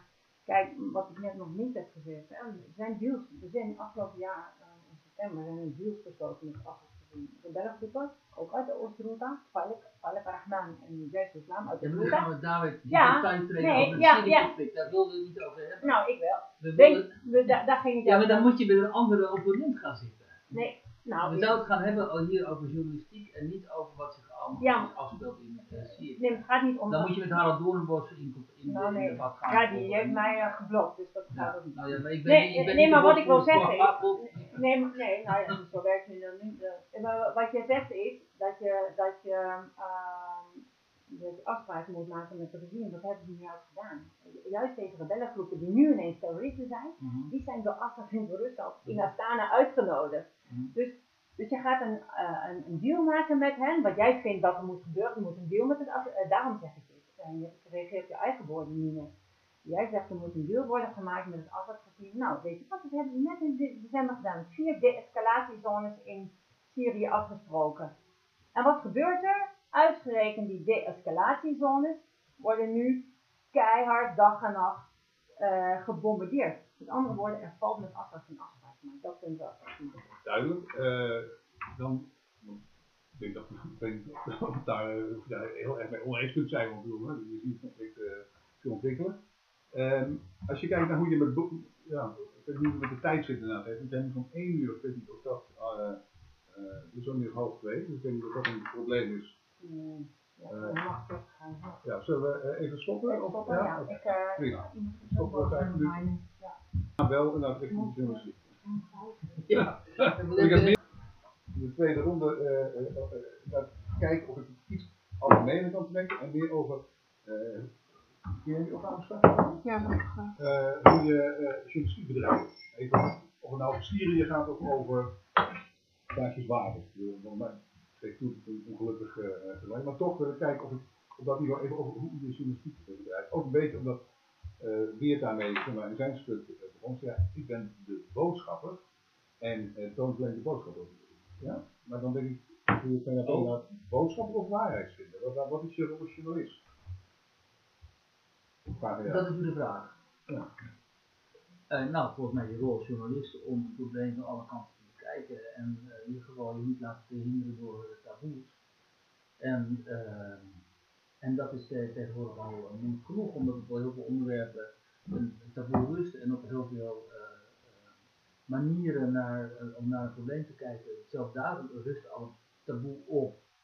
Als ik bijvoorbeeld types van extreem rechts aan het woord laat, omdat ik vind dat dat interessant is voor het lezen, om te lezen, te lezen hoe die denken en hoe je naar de wereld kijkt en zo, dan vinden heel veel mensen dat al totaal uh, not done eigenlijk. Dat, dat behoor je niet te doen. En dat, Maar op wat voor manier doe je dat dan? Of ga je die mensen dan aan het woord laten en kijken of het klopt wat ze zeggen, of ze aan het woord? Ook al zou het misschien niet kloppen. eh, nou ja, je kunt ze gewoon uh, vragen stellen toch? En Ja, nee, gewoon, ja. ondervragen. En, ehm, eh, kijk, het gaat erom dat je geacht wordt, het gaat bijvoorbeeld eh, erom dat je geacht wordt als je mensen extreem rechts eh, bevraagt, dat je die heel kritisch ondervraagt. Nou ja, eh, terecht. Eh, bij dezelfde criteria moet je dan voor mensen van Antifa of zo, of, eh, of extreem linkse partijen aanleggen. Eh, vind ik dan. Eh, alleen dat zie je dus in de media bijvoorbeeld niet gebeuren. Dat ik regelmatig mensen in talkshows of in stukken in de kranten en zo, waarvan ik denk, eh weten jullie de achtergrond van deze mensen wel? Is gewoon een gewelddadige eh, antifa-lid of eh, deze manier is er ik bedoel, iemand is bijna duizend die toch eh, gewoon een achtergrond heeft extreem links uh, milieu en die uh, notabene zelf heeft bekend dat dit ingebroken wordt bij ministerie van Economische Zaken, die dan gewoon uh, zonder enig probleem campagnemanager van GroenLinks kan zijn. En zonder dat dat echt ter discussie is over gesteld. Nou, uh, dat had je dan zo moeten meemaken. Dat was een soort van uh, extreem rechtse halve terrorist, uh, campagnemanager van Forum Democratie moeten zijn. Die was pagina na pagina na pagina in de Volkskrant en de NRC zo was aan de orde gesteld. En was die man hè, met het verleden geconfronteerd. Dus dat is dus, dat is dus gewoon een bias in de media. Waar ik mij aan stoor, omdat ik het onrechtvaardig vind en niet objectief, nou ja, objectief, maar niet neutraal en ook niet, gewoon niet, niet professioneel. Oké, okay, en wacht, ja, waarbij is dat het alternatief dat je, nou, alternatief maar uh, mag ik daaruit afleiden dat je omdat er uh, de linkse mensen in de media vrij ruim baan krijgen, ga ik niet linkse mensen diezelfde ruime baan geven? Is dat dan deel van de redenering? Uh, nee, maar wat ik in de, kijk, ik heb zo'n serie de, waarin ik zeg maar de stemming in het land peil en daarin probeer ik wel dat speelt al vanaf, uh, ik in de zomer van 2016 begonnen in de Algemene Dag nog een nieuwe Telegraaf. En uh, daarin probeer ik gewoon alle verschillende groepen aan het woord te laten. En uh, maar dus ook groepen die elders toch nauwelijks gehoord werden. Dat, dat kunnen we nu al moeilijk meer voorstellen, maar toen ik daarmee begon, was het dus eigenlijk nog dom om PVV-kiezers in de krant te laten te interviewen en, en aan het woord te laten. En ik herinner me nog hoeveel moeite het mij kostte om die mensen ook met naam en toenaam dat podium te geven, omdat ze zelf maar vrezen voor de gevolgen. Dat je daar ook gewoon een aflevering over geschreven, over mensen die vrezen om een politieke voorkeur. Uh, nou ja, omdat mij dat opviel, heb ik toen dus gevraagd aan PVV op Twitter van joh, mail mij dus jullie ervaringen. Nou, toen kreeg ik een hele reeks mails, echt tientallen mails van mensen die gewoon, nou ja, hele normale mensen, gewoon keurige burgers, die mij vertelden waarom zij A op de PV stemden en B waarom zij dat niet met name toename in de krant willen, omdat ze dan weten dat hun loopbaan kapot of dat ze een ruzie krijgen met de buren of met de familie. Dat soort taboes heersen gewoon in uh, Nederland. En um, zodra je het op tafel legt, wordt er altijd heel smerend over gedaan. Hadden allemaal flauwkul, sinds partij mogen we alles zeggen en mag iedereen maar aan boord komen. Dat, dat, dat, is gewoon helemaal niet zo. Dat is gewoon niet het geval, want als jij op een gegeven moment als normale burger, of je een arts bent of buschauffeur of weet ik veel wat je bent, als jij zegt, joh, ik ga voor die wilde stemmen, of ik ga voor, voor, voor democratie stemmen, dan heb je gewoon een uh, probleem. En toegegeven, dat geldt ook als je zegt, ik ga voor denk stemmen, want dan heb je tegenwoordig ook een probleem. Nou, dat is niet goed. En, uh, en dat wil ik graag nou, als boodschapper of als waarheidsvinder? Als waarheidsvinder, niet als boodschapper. Ik heb helemaal geen boodschap. Alleen, uh, ik vind wel dat ik mij in alle uithoeken van de samenleving moet begeven en daar mensen moet, moet opzoeken. En de optelsom van al die bevindingen, dan krijg je een beeld van hoe het in elkaar zit. Ja, dat denk ik wel. En dan krijg je in ieder geval een, wat, en dat beeld is veel rauwer en veel gesegregeerder en veel on, ongemakkelijker waarschijnlijk dan misschien heel veel mensen zouden willen, maar dat is gewoon hoe de werkelijkheid in Nederland in. Ja, ik, ik vind het echt uit um, het mag wel meevallen met dat uh, niet alle op tv niet komen het zien die net. Ik moet bijgeven dat haast van Nederlands tv niet kijk, omdat ik een buitenland tv op veel hoger niveau vind. Dat ik dat gewoon niet zeg. Maar um, ik mis gewoon een avond ook experts. Dus ja, die is wel erg laag. Niet grosso modo met een goed met niet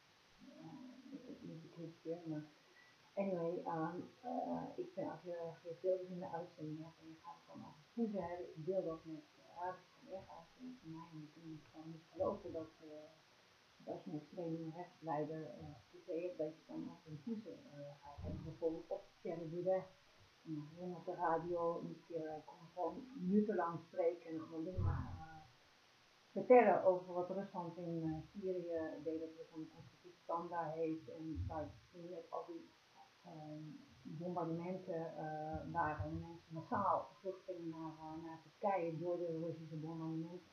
En ik heb later een redacteur van het programma aangesproken. Ik gezegd van waarom, waarom bedoel, dat is wel heel makkelijk om daar een tegenvraag te doen. Ja, maar de presentatrice heeft de druk, het gezin die komt binnen, die bereidt niet goed voor en ja, nou, maar, hij mag gewoon doorgaan. Ja, dat vind ik wel ernstig.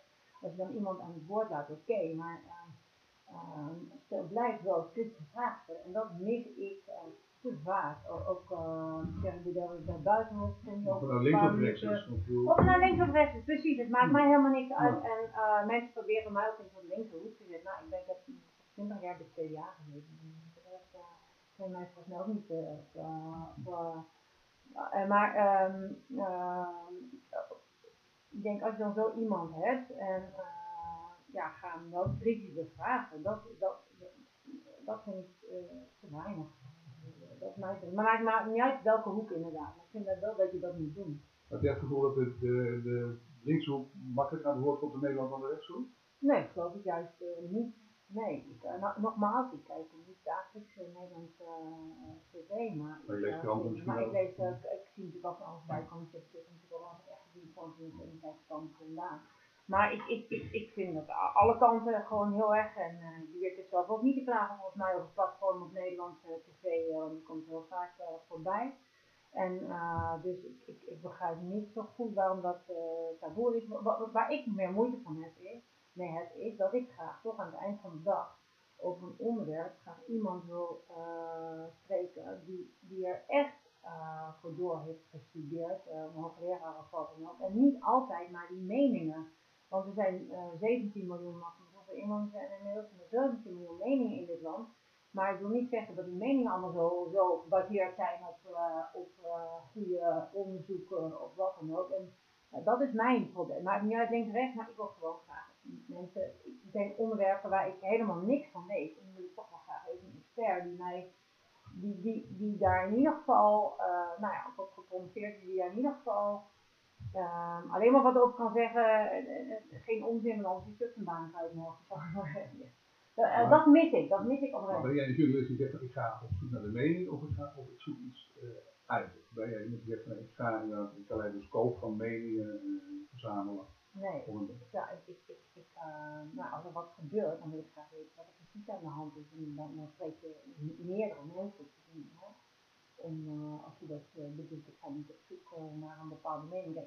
En het is ook een beetje lastig als ik doe in Nederland, of weinig Nederland, alhoewel het verhaal dat vandaag lezen wel weer heel erg uh, geschikt in Nederland gerelateerd. Maar uh, ik, uh, ik, wil gewoon graag begrijpen.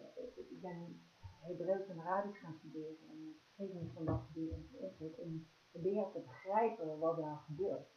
en ik weet ook lang niet alles, maar je, je probeert met alle middelen die jij kan doen om, om, om te komen. Um, duidelijk, dat was voor mij een punt. Uh, ik wil even naar de, de ondergangsvorm op, op, internet. Ik bedoel, jij daar een aantal dingen over gezegd. Dus, daar begon jij je verhaal mee van Tom op. Ik krijg van alle kanten kritiek, maar hey, uh, ook nog heel erg van mijn uh, collega's. en, en ik heb daar een tijd heb ik daar een, kant laten gaan. Op een zeker moment heb ik besloten, toch zelfs naar Koffie Peter Lindorp, als ik goed. Ik zeg, nou, nu ga ik dus vanaf dit moment wat toe zeggen. Um, en misschien kun je dat zelf, nou ja, en, jij antwoordde weer van ja, maar je lijkt wel met twee maanden te meten. Want uh, je hebt het al over de kritiek van journalisten, maar zelf doe je ongeveer hetzelfde. Dus moet je ook steeds aanvallen. Nou, wat, wat, nee, nee, wat ik bedoelde is dat je helemaal niet reageert op, als ik de vragen die ik stel, dat je daar helemaal niet op reageert. Als je een inhoudelijk debat wil, ik, ik was daar, ik zei van waarom dit, waarom dat, waarom dat, en dan maar geen reactie. Dus dat was uh, mijn punt. Uh, kijk, um, dat is nu inmiddels wel minder dan een paar jaar geleden. Omdat het waarschijnlijk is, nou ja, misschien aantoonbaar heeft altijd geschreven en gebeukt in mijn ingezet, gestructureerd. Maar een paar jaar geleden, toen ik hiermee begon, zeg maar, toen ik terugkwam uit het buitenland en signaleerde dat, of toen ik hier in Nederland ging werken, en signaleerde dat hier rond een aantal thema's van van cordon sanitair hiërarchie in de media terwijl daar in de samenleving uitgebreid over gesproken en wordt, gediscussieerd wordt, gediscussieerd, nee. um, uh, toen ben ik begonnen om dat ook uh, op social media gewoon aan de orde uh, te stellen. En dat, dat, dat levert dus enorm veel weerstand op. Met een soort, soort dieptepunt, een interview wat ik dat toen deed van een dagblad met uh, Martin Zee. Die had dat boek geschreven over het sharia-rechtbank, die was gepromoveerd en die toonde aan dat in sommige delen van de samenleving de sharia boven het, het recht geldt. En bovendien uh, zei zij, en vond het argumenteren, dat zeg maar, achter de islamisering van Europa die, die niet plaatsvindt, dat daar een soort uh, plan achter zit. Nou, dat is ook uh, helemaal niet zo moeilijk om dat te argumenteren, omdat moslimbroeders daar gewoon eruit komen dat ze het plan hebben om uh, onze westerse samenleving te, te, islamiseren. Maar dat liep enorm veel weerstand op. Hè. Daar ging een volgens Peter Middendorf over, die raakte die een soort van hysterische aanval van razernij begon Martin C. en haar uh, promotor, tuteur en zo, en andere producten ook. De, Leidse kring, maar. Waar deze mensen uit voortkomen. Uh, die begon die aan te vallen en, uh, en, en mij ook, omdat ik dan de boodschapper was van, deze mensen. En toen dacht ik, oh nou ja, als het dan zo erg is, als, dan, als er al deze onderwerpen krijg zo te doen zijn, weet je wat, dan gaan we ook gewoon met gestrekt been in om, die, om dat, muren af te breken. En nou ja, en, uh, dat heb ik dus gedaan en ik af en toe nog. En ja, je ziet dat, dat het bij sommige mensen totaal nog altijd helemaal fout uh, valt. Die kunnen er gewoon niet tegen. Terwijl ja, inmiddels natuurlijk aan alle kanten duidelijk is, ook met de opkomst van Forum voor Democratie en zo, die, wereld die zij vertegenwoordigde, en die voor een groot deel was gebaseerd op, op, op, op dat die aan het instorten. Dus die urgentie neemt nu ook af, omdat nu eindelijk dat debat toch wel opener en gevoerd kan worden. Ook, hè, maar het is rustiger op Twitter zo? Nog, nou, het is niet rustiger op Twitter, alleen uh, je ziet gewoon dat uh, die onderwerpen die zo heikel waren, uh, dat die inmiddels breder gepolitiseerd zijn geraakt. Hè? Dus dat ze niet alleen maar meer in het domein van Wilders zich bevinden, maar dat ze ook zijn doorgedrongen tot de andere partijen, dat de democratie ermee aan de slag is gegaan en dat in, in, in reactie daarop ook bij partijen als Denk en bij één en zo weer opgekomen, wat allemaal prima is, want dan kun je debat voeren, maar ze zijn in ieder geval niet meer dus uh, onaanvaardbaar. En uh, dat waren ze tot, voor enige tijd geleden eigenlijk wel.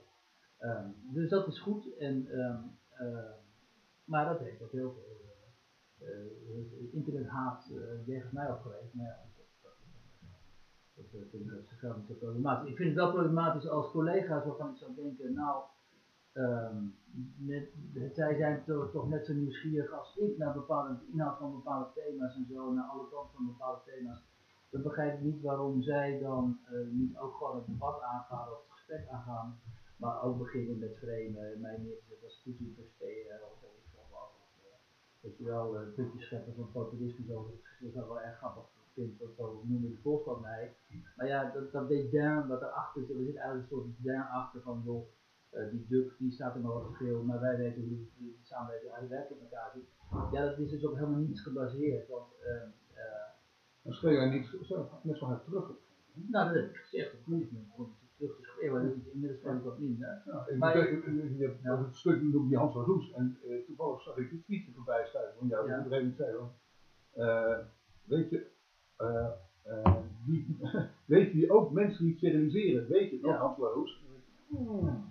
Nou ja, maar kijk, Hans Roes is bij uitstek een van die, van die mensen, een aantal van die mensen die, uh, die de hele tijd lopen te zuigen. En, en, maar laat je daar niet beetje gaan? Of, of, is dat gewoon Tegenover Hans laat af en toe uh, ja. één of twee keer per jaar gaan, omdat ik dan vind dat, uh, dat zo, zo, weer zo'n, laten we zeggen, um, zo losgezongen van de werkelijkheid een tweet heeft over mij heeft geplaatst die zo losgezongen is van de wetten, die totaal niet gaat over de inhoud van wat ik doe, maar alleen over het frame dat hij de wereld in wil sturen over mij, terwijl hij hoofdredacteur is van een omroep. Uh, nou, nou, Nog steeds wel. Nee, nee, is, ja. ja. Um, en dat vind ik dan zo merkwaardig. Um, dus dat ik dan besloten heb om hem af en te laten, af en toe op hem te reageren. Omdat het een omdat die instelling waarmee hij dat doet, gewoon een symptoom is van een heel ernstig probleem. Namelijk inderdaad dat dédain en die arrogantie bij bijvoorbeeld NPO ook, waarmee daar gedacht wordt dat de werkelijkheid is zoals zij die zien.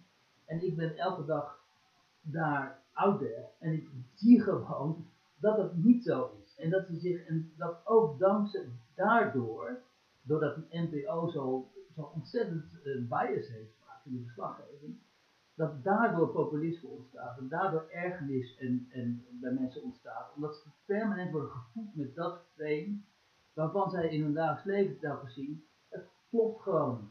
Weet je, en als je dan als hoofdredacteur zou denken, deze um, ontvankelijk voor kritiek uit het veld, omdat je anders nog meer kijkers kwijtraakt nog meer lezers ook uh, kwijtraakt.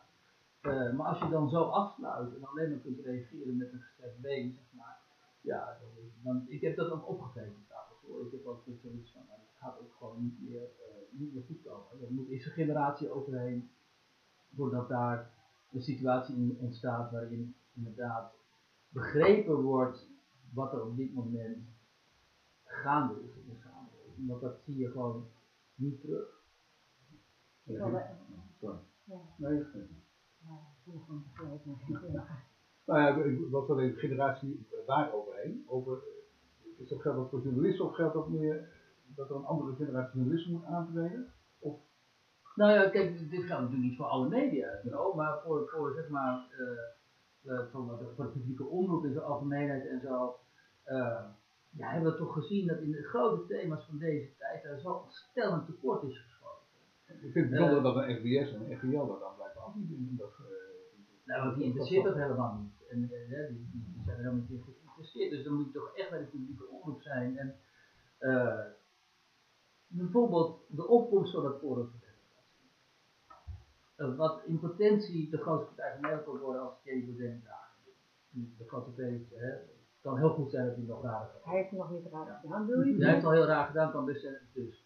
Ehm, dat was zo zichtbaar. Als je, als je enigszins in de samenleving gaf op dat moment en ook af en toe bij hen aanklopte in dat keldertje en zo in Amsterdam, dan je hier ontstaat iets wat vergelijkbaar is met D66 en A60. Dat, dat, dat keldertje begon op een gegeven moment uit te puilen, allemaal jonge mensen van alle geledingen van de samenleving. Je, op een gegeven moment ze op straat als ze lezingen waren. Dus je, je voelde gewoon, hier is iets aan ontstaan. Totaal gemist. Ik, ik heb dat toen aangekaart bij mijn hoofdredactie dat Ahmed Dappert waar ik toen voor werkte. Eh, wat ik zei, joh, hier is echt iets aan het gebeuren, dus dat moeten we hebben. Dit moeten dat was totaal geen interesse voor. Weet je, en op zo'n moment denk ik, ja, als ik dit niet doorheen krijg bij de redactie, terwijl ik zie dit gewoon gebeuren, waar moet ik dan naartoe? Moet ik dan alleen maar naar, naar internet of zo? Dus dat was voor mij ook een hele frustrerende eh, ervaring. En sinds- sindsdien weet ik gewoon, al die redacties, op al die redacties is dit aan de hand. Bij de regiokranten was het op een gegeven moment zelfs zo, want ik schreef ook via het af en dag voor die regiokranten, dat ze die druk niet meer in de krant wilden hebben, want die stelden allemaal van dit soort thema's aan de orde. En dat wilden ze gewoon niet meer in de krant. Ja, dan weet je, weet je wat, wat, wat, wil je dan? Wil je nog eh, weten wat er leeft in die samenleving, of wil je alleen maar het eigen beeld dat je al hebt van de samenleving in jouw krant wil zien? Dan is toch ook niet voor niks dat geen hond die regiokrant meer leeft, want je verstaat gewoon niet wat er gaande is. En, ehm, en dat is op zoveel thema's, ik bedoel, het feit dat de, de publieke omroep de opkomst van Trump zo gigantisch gemist heeft, dat ze avond na avond na avond zaten ze daar te vertellen dat Hillary Clinton die verkiezingen zouden gaan. Oh joh, 80%, 90%. En Trump die wint. Dan moet je dan gewoon eigenlijk maar stoppen met je vak of zo. Nou ja, ik wil de NPO best daar, eh, ja, ik denk dat zij daar niet de schuld van heeft, want ik denk dat ze niet de enige... eh, Er waren een eh, paar mensen, als ja, je... het eh, Een beetje, eh, een beetje de NPO ook niet één entiteit, maar goed, laten we zeggen dat het eh, dat we een eh, pakken. Ik denk wereldwijd, eh, ik denk dat Trump zelf eh, nog verbaasd was dat hij gewonnen heeft. Maar goed, Nou ja, ik, ik herinner mijn uitzendingen, eh, bijvoorbeeld iemand als Jack Epping of zo, die had het, die had het gewoon. Een aantal mensen hadden het in de smiezen. En ik wil mezelf niet op de borst komen, maar ik heb ook weer eruit doen. Het zou me niks verbazen die Trump gaat winnen. Want je weet toch hoe gehaat die Hillary is. En je weet toch hoe woedend die, die arbeidersklasse is over het establishment. En dat, want dat is niet alleen in de Verenigde Staten zo, dat is overal het geval. Dat was, weet je, de, de, de opkomst van AFD in Duitsland. Je zag het voor je ogen gebeuren. Iedereen zegt van nee, in Duitsland, nee, oh, Merkel top, en bla en zo. Je ziet het gebeuren en nu is de AFD de beste partij. Dus, ik, Ja, ik denk weet je, dat het is nou onbegrijpelijk dat die niet, analyses maar die niet polarisatie, dat die polarisatie niet gezien is. Want als Trump net wel had verloren, had hij, eh, was die polarisatie in Amerika er nog steeds geweest die, polarisatie die, daar... Ja, maar je, kijk, we kennen allemaal dat fantastische verhaal van die ene mevrouw die in Duitsland is gegaan. hè, In Amerika. Ik weet niet meer, hoe- misschien is het niet, ik weet niet meer waar waar het was. En die gewoon beschreef wat er gaande was en die uiteindelijk tot de conclusie kwam. Trump heeft, hierom heeft hij gewonnen. En het is ook een stuk logisch dat hij heeft gewonnen. Eh, waarom, is, waarom is het dan zo zeldzaam? En dat, dat zo'n analyse, dat je zo'n analyse leest, ik ga je vertellen waarom het zo zeldzaam is, omdat het een heel onwelgevallige analyse is. En omdat feiten heel onwelgevallig zijn. En zolang het nog is, en het is enorm, enorm cliché wat ik nu ga zeggen en zo, maar goed, het is hoe dat, het is het niet helemaal de waarheid. Zolang het nog is dat op heel veel redacties, 70 tot 80 procent van de redacteuren, eh, ofwel GroenLinks of Partij van de Arbeid of D66 stemmen, of althans hun sympathie gaat daarnaar uit, zul je gewoon die analyses over wat er aan die kant van het populisme gaande is en zo, of niet, of te laat, of op een, eh, met een bepaalde invalshoek lezen. En daar, daarmee doe je al die lezers die je hebt, en dat grote publiek wat je kunt halen, doe je gewoon eh, maar is dat zo? Ik heb ook wel op redacties gewerkt. Ik vond het eh, heel erg genoeg. Dat, eh, heel veel positieve schat. Er waren genoeg mensen die, eh, die er eh, naar, naar, naar eh, Wilders uh, ik weet niet, ja, wie klopt dat uh, 70% van... Uh, Daar is ook die onderzoeken die dan uh, via de media zo doet, en uh, dan blijkt er weer uit dat het gewoon 70% of zo van de collega's uh, richting links neigt. En, ja, maar je ziet toch een gebeuren van gebeuren bij de talkshows. En natuurlijk treedt Baudet ook in talkshows, maar heeft weer drie mensen tegenover zich. Uh, inclusief Frits Wester, die hem dan gaan beleren dat hij allemaal dingen ik, ik wilde inderdaad net even een paar dingen zeggen. Ik, uh, gisteren zag ik een nationaal grote opening met Thierry Baudet dat hij dus uh, wantrouwen heeft in stemmentellers. En wat ik echt kwalijk vond, dat de NOS dan niet zegt, ja, maar alle politieke partijen sturen altijd waarnemers die daar rond, rondom die tellers gaan staan om te kijken of het wel klopt. Want natuurlijk kan je ermee gesjoemeld worden, dat werd niet gezegd. En dat vind ik echt een, een alsof Baudet een punt had. Ik heb jarenlang hier in de lokale politiek gezeten. Ik weet hoe dat stemmen tellen gaat en dat alle partijen waarnemen sturen, alle partijen. Dus niemand kan iets wagen, want dan ben je natuurlijk bij. Dus dat werd niet genoemd. Ik noem maar één voorbeeld. Hè. En ik vind juist dat Thierry Baudet en, en Wilders, de NOS is een tijdje geleden ook een demonstratie van Wilders ergens in het zuiden van het land, en die bleek helemaal niet zo te zijn als de NOS had voorgesteld. Hè. NOS was behoorlijk groot voorgesteld. Ik waren weet niet meer, mensen, ja. terwijl er helemaal niet zoveel mensen waren. Dat soort dingen. En Nou wat- goed, dat is dan weer en een wat ik ja, oké. nou, en, en, en, en wat ik ook zei van, eh, ja, voor mij is dat echt de deur definitief dicht gedaan om nog naar hier naar te kijken van het poezen-item. eh, dat je over poezen gaat eh, praten met de, de leiders van de tweede partijen in dit land. En, en ik vind dat Baudet heel veel aandacht krijgt. En, en de laatste tijd wat meer, maar aanvankelijk helemaal niet. eh eh, ehm, eh, kritisch werd gevraagd over aantoonbare leugens die hij op mijn vakgebied in ieder geval zet, hij aantoonbare leugens neer. En ik weet ook van mensen van de universiteit dat die zegt van ja, de proeftest heb ik gezien, heeft nooit, heeft nooit ja, Maar heb het dat, zeg je, teruggetrokken. dat, dat doe je bewering. Ja, ik doe een hij- bewering. Hij is gewoon gepromoveerd bij cultuur, Ja, klopt, ja. Dat klopt. Maar ik zeg ook, ja, ook even dat mensen zich terug hebben uit de commissie die zegt van ik ga hier niet meer akkoord. Ja. Dat zeg ik je ook. Ja. Maar, ehm, eh, Ja, dus ik vind het nog wel meevallen dat, eh dat Baudet en, en zo de- geen eh, aandacht krijgen. Ik Ik, zou het- zeggen, ik zou haast zeggen, te- tegenovergestelde is Ik waar. Maar ik kijk daarvoor te weinig elke dag uh, die. Ja. Ik zeg niet dat ze geen aandacht krijgen. Het gaat niet om wel of niet aandacht krijgen. Het gaat de manier waarop er aandacht bestaat voor dit soort problemen. Het gaat ook niet om de persoon Wilders of wat Het gaat om de manier waarop er aandacht is voor die onderliggende problematiek. Bijvoorbeeld dit soort populismegroep. eh die de opkomst van dit soort zeg maar ook sterke leiders voedt. En of eh, op tijd wordt gezien dat dit speelt. Het gaat om allemaal dat soort Ja, maar eh, Nieuwsuur signalen. heeft hier ook een hele uh, de onderstroming. gaat ook Ja, weer het land door. En uh, ik vind, ja, en nogmaals, ik vind het nog wel meevallen. Ik vind juist een beetje dat, dat er veel te weinig experts, wat ik eerder zei, aan het woord zijn. Dat ik veel, ja, dat er veel te weinig uh, toch heel erg een Ingrid uh, tv is in Nederland. Uh, Als ik, ongeveer ik, ik kijk niet 90% meer. Ik van kijk niet Nederland zegt van joh, die zwarte piet moet zwarte piet blijven. En verder lul je niet over. Dan is er één heel groot klein groepje kick out zwarte piet en Sylvana Simons die vinden dat dat moet veranderen. Het onevenredige aandacht die die groep krijgt, sowieso de, buiten niet zoveel aandacht voor Sylvana Simons, die nog niet eens in de gemeenteraad van Amsterdam zit, misschien met één zetel daarin komt, maar dat is nog de vraag.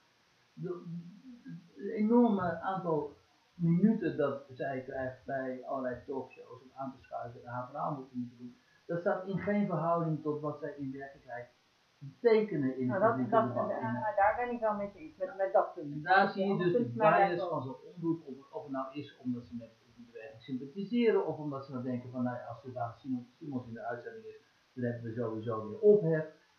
Die redenen doen er niet eens toe. Het zijn geen valide uh, redenen om daar zoveel aandacht aan te besteden. En daarmee erger je die meerderheid van Nederlanders die vinden dat dit helemaal geen probleem behoort te zijn. Wat uiteindelijk leidt ook mede, denk ik, door zo'n blokkade, tot zo'n blokkade daar in Friesland. Omdat die mensen zeggen, we hebben het nu echt wel even gehad met die propaganda vanuit Hilversum en vanuit Amsterdam. En we stellen nu even een, een grens hier op de A7 bij jou. Dat heeft rechtstreeks ook te maken met het onevenredige uh, aandacht die uh, wij, media, ik vond, ik vond het nog wel hilarisch om even naar mijn vakgebied te trekken, dat uh, Sylvana Simons bij de slimste mensen vertelde dat ik dacht dat de Arabische televisie in Marokko waren. Oh, ja, ook zo'n nog. onderdeel was. En dan, dan denk ik, hou ik ook mijn hart vast. voor, eh, maar. Maar, voel, jij, jij maar, niet. maar, maar voel jij als aangesproken dat je, uh, deel jij die, uh, die visie van, van Weert, van dat het in Nederland, dat we eigenlijk in dan, ja, maar even, wegkijken, dat we nog steeds een wegkijkcultuur hebben, een aantal uh, onderwerpen helemaal niet uh, willen benoemen, en Ja. structureel regeren. Nou ja, een aantal onderwerpen missen we dus ook gewoon, omdat, omdat, eh, omdat collega's niet in die eh, milieus zi- zitten. Want je moet natuurlijk investeren in die milieus, je moet contacten met de milieus en mensen kennen en met mensen deels samen leven en zo. Eh, gewoon wekelijks contact hebben met mensen, waardoor je tips krijgt en waardoor je ook die groepen eh, kent en daarover kunt berichten. Maar als je daar eh, niet, niet in investeert of al niet voldoende in investeert, dan gaan bepaalde ontwikkelingen aan je neus voorbij. Ik weet ook niet dat zich op dit moment in, in de wereld van de kwantummechanica of zo afspeelt. Daar, zit ik helemaal niet in. Eh, weet je, dus maar als je maatschappelijk actief bent als journalist, of, of althans de Nederlandse samenleving wil berichten, ja, dan zul je toch gewoon, gewoon daarin eh, moeten begeven. En dan pas pik je ook die signalen op. Nou, zoals ik, kan je Robert geruststellen, en ik spreek regelmatig met TVG. Dus, eh, zo. Nee, maar ik heb het niet over jou in dit geval, maar in zijn algemeenheid over. eh, en ik zeg ook niet dat die collega's zijn. Heel veel collega's die dat doen, maar het gaat over de, de, de, de, de algemene trend. En dan weet ik ook nog dat er collega's zijn die dat allemaal ja, zeer doen, maar die dan moeten vechten om een plek in de krant te krijgen in, in die tv-rubriek. Dat, ook nog eens. Je hebt een aantal eh, sluizen waar je, hè, die je teksten gepubliceerd krijgt. Ik wil nog even over, is mij van mij, hè? Dus Ja. eh, nou, ik heb een, eh, net een documentaire geresearched eh over de Red Light District en vrouwenhandel in Nederland. En nou, als je, om een taboe te noemen, ehm hè, wij hebben eh, terecht, helemaal terecht, een hele grote mond over ehm, wat natuurlijk in de Wereldgebied uh, ISIS, wat ISIS allemaal verschrikkelijk eh, heel uitspreekt met eh, vrouwen in Irak, eh, Syrië totaal terecht. Maar dat hier in Amsterdam, hartje Amsterdam, elke avond op zijn minst, de me meest conservatieve cijfers, door Van der Laan, de NGO denkt dat het nog veel hoger is, op zijn minst 400 meisjes, vrouwen, tegen hun wil worden verkracht, dag in, dag uit, en 20 keer, 30 keer op een dag. En als ik daar op Twitter over zeg, dan krijg ik de, de, hel los uh, over mij heen. Dat vind ik niet erg, want ik vind het echt uh, dat we daar wat aan moeten doen. Dat we hier echt een dubbele, met een dubbele maat meten. Dat het hier gewoon gebeurt. En, en, en we, doen er, doen er weinig aan. Het, het OM, Jolande de Boer in de NRC, twee weken geleden, met collega, een foto, moord en brand. Doe iets. Want het wordt alleen maar erger. Want uh, omdat hier toch toch als gevolg van de legalisering, dat hier echt het makkelijkste bewegen is van mensenhandel, konden uiteindelijk komen al die vrouwen uh, vroeg of laat naar Amsterdam. En, en, en, en trouwens, de meeste zijn nog Nederlandse meisjes die in Loverboys worden gelokt. En zelfs uit AZC's worden minderjarigen gelokt voor de seksindustrie in Nederland. Dat vind ik wel een taboe, dat we daar, en dan was dan, was bij een talkshow, ik dacht die net, weet niet helemaal zeker, toen uh, was minister Ollengren was er en er was een Deense filmmaker die dus ook dit, dit aan de orde had, uh, een Deense, of weet ik, een. En zij zegt hoe kan het jullie dit laten bestaan? En dan meteen onze minister, nee hoor, het is allemaal goed, de vrouwen zitten helemaal, zitten allemaal niet tegen, het is allemaal goed. Uh, en dus daar hebben we de boete te pakken wat mij betreft. Dat was die Zweedse mevrouw die in de bridge uh, speelt, weet je wel, die, die autistische uh, uh, Maar, um, dat moeten we kijken als journalisten gewoon permanent verkeerd Nou, nou, nou, zo erg. Nou ja, ik probeer het samen te vatten, want ik, ja. En misschien is het nou ja, ook wel zo. Er zijn natuurlijk verschuivende, er denkbeelden nu op dit moment over allerlei kwesties, bijvoorbeeld. En uh, daarin heeft uh, Rena gelijk. Um, een deel van de prostitutie is tegen de wil van de vrouwen en een deel daarvan bestaat van mensenhandel, vrouwenhandel. En dat het, als je het overigens over nu nog wethouder, ja. hè, was die, was die wethouder, was die Ja, dat zei ik ik zat in ja. een commissie toen. Ja. Precies, die heeft dat aangekaart, heeft geprobeerd er wat aan te doen, dat is volgens mij mislukt. Maar um, uh, dat is dus een correctie op die, um, op die idee uit de jaren 60, 70 dat alles allemaal moet kunnen en dat prostitutie ook eigenlijk uh, helemaal prima is en zo. Net zoals dat de correctie plaatsvindt op het gebied van, van abortus en dat soort zaken. Um, om, omdat uiteindelijk dat soort tolerantie en liberalisme ook weer tegen zijn grenzen aanloopt natuurlijk. En in die zin is het goed als vanuit een andere werkplek, dat, dat is ook een kwestie van met welke blik kijk je. Uh, Nederlanders kijken natuurlijk naar kwesties als prostitutie en ook legalisering van drugs en zo, uh, specifiek met hun uh, blik. Dus als vanuit Frankrijk of elders wordt gezegd Nederland is een NAVO-staat, dan zeggen we oh, allemaal flauwekul zo, we zijn juist helemaal top, want we zijn zo tolerant ten opzichte van softdrugsgebruik. Terwijl het is een feit dat Nederland een NAVO-staat is geworden, dat de, Brabant helemaal vol staat met, zoals allemaal weten met uh, wietplantages. Het is ook het feit dat in die, uh, op, die, op de in Amsterdam, het Reno zegt, uh, gewoon zwaar mensenhandel plaatsvindt, criminele activiteiten. En dat het heel goed is om daar eens een keer een andere paradigma voor aan te leggen, om dat aan te pakken. Want ik vind het ook al lang dat die, wiet in Nederland veel te sterk is om dat gewoon maar legaal aan jongeren te verkopen. Want die hersenen die worden daar ontzettend aangetast. Maar inderdaad, als je dat zegt op Twitter bijvoorbeeld, wat kap is met met dat wietgebruik en zo, of met het, um, het uh, bagatelliseren van het gebruik van wiet, nou, dan, doe je, je echt hele meute over je heen door. Want wiet is een ongelooflijke soort, dat is een soort mensenrecht in Nederland. Um, maar het is heel goed om dat bij tijd en wijle aan de orde te stellen, omdat, omdat het inderdaad zware misstanden zijn. Ja, zeker ook die NAVO, die halve NAVO-staat daar in, in, in. Dus, Journalisten zijn er om misstanden aan te tonen, waar ze ook uh, plaatsvinden. Uh, als je dat doet, en dan krijg je, als ik jullie beiden goed beluister, ook de nodige drek over je heen via social media. wat zegt dat in zichzelf? Is er een polarisatie in het land aan de gang? Of is het gewoon een kwestie van slechte omgangsvormen? nou, nou het zegt voor mij vooral, nou kijk ook, hè, social media is heel veel mensen anoniem maar dat ze alles kunnen zeggen, kunnen schreeuwen en doen zo. Maar los daarvan is het ook wel iets, um, denk ik, een uh, symbool van die verschuivende Nederland. En dat vooral heel veel van die weerstand die je ontmoet als je uh, zaken aan de orde stelt, um, waarvan jij denkt dat ze urgent zijn, maar die voor anderen zeg maar onaanraakbaar zijn. Uh, die weerstand um, die is al enorm, omdat mensen zo graag willen vasthouden aan hun wereldbeeld en aan hun gevestigde orde, zeg maar.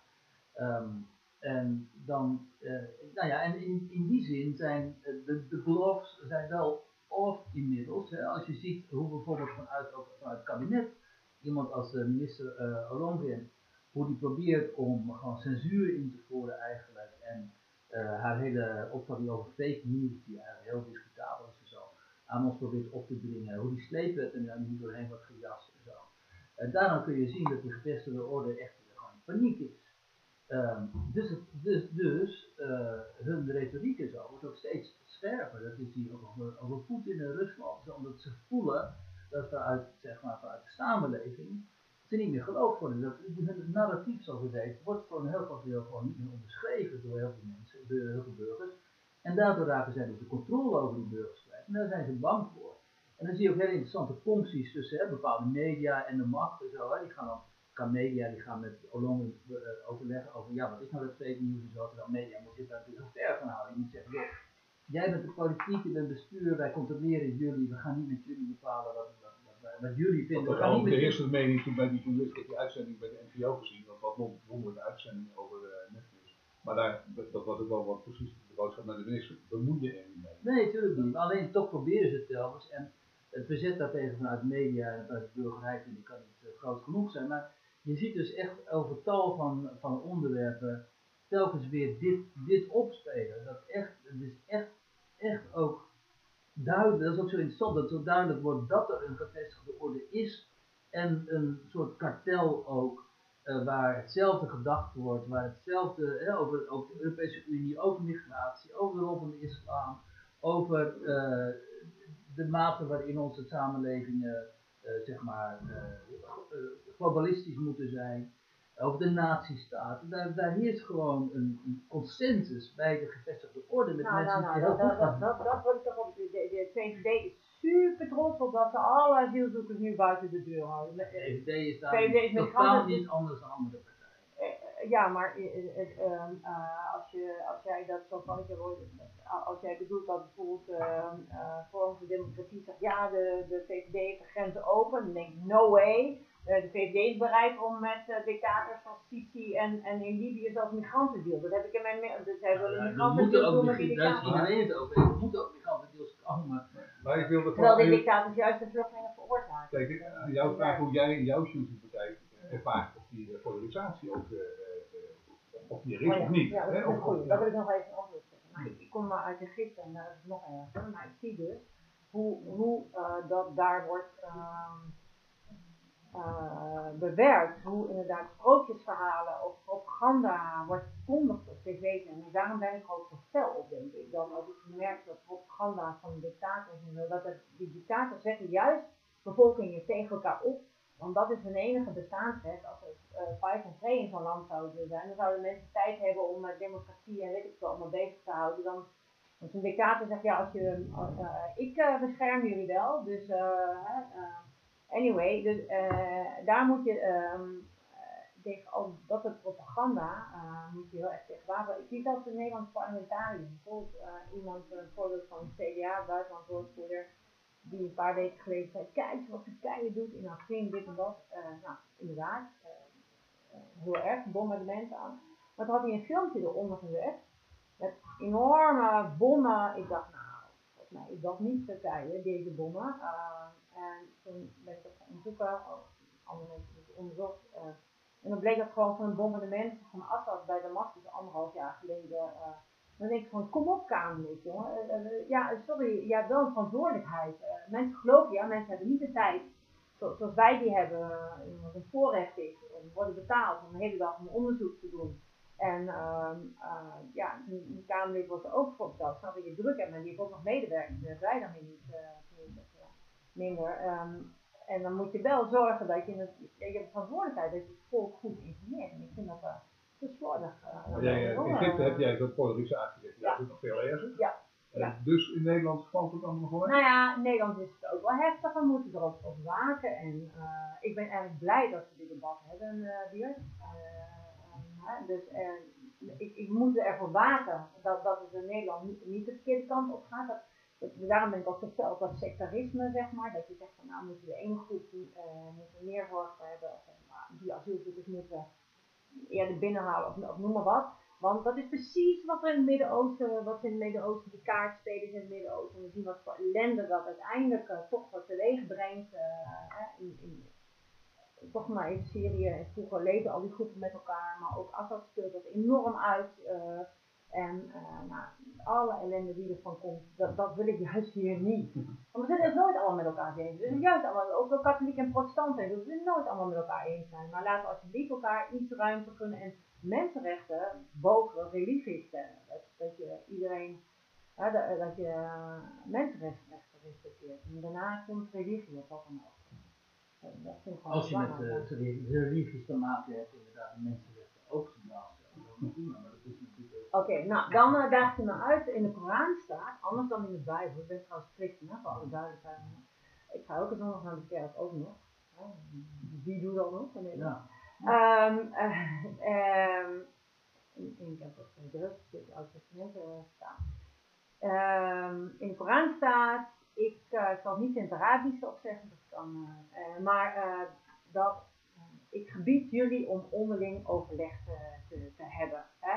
Dat kan je toch in het Nieuw Testament niet eens vinden, moet ik zeggen, als christen, zo'n democratische tekst. Dus dat, dat, je met, ja, maar... dat, je met, dat je met de islam geen uh, democratie op zou kunnen, dat, dat durf, dat durf echt te bestrijden.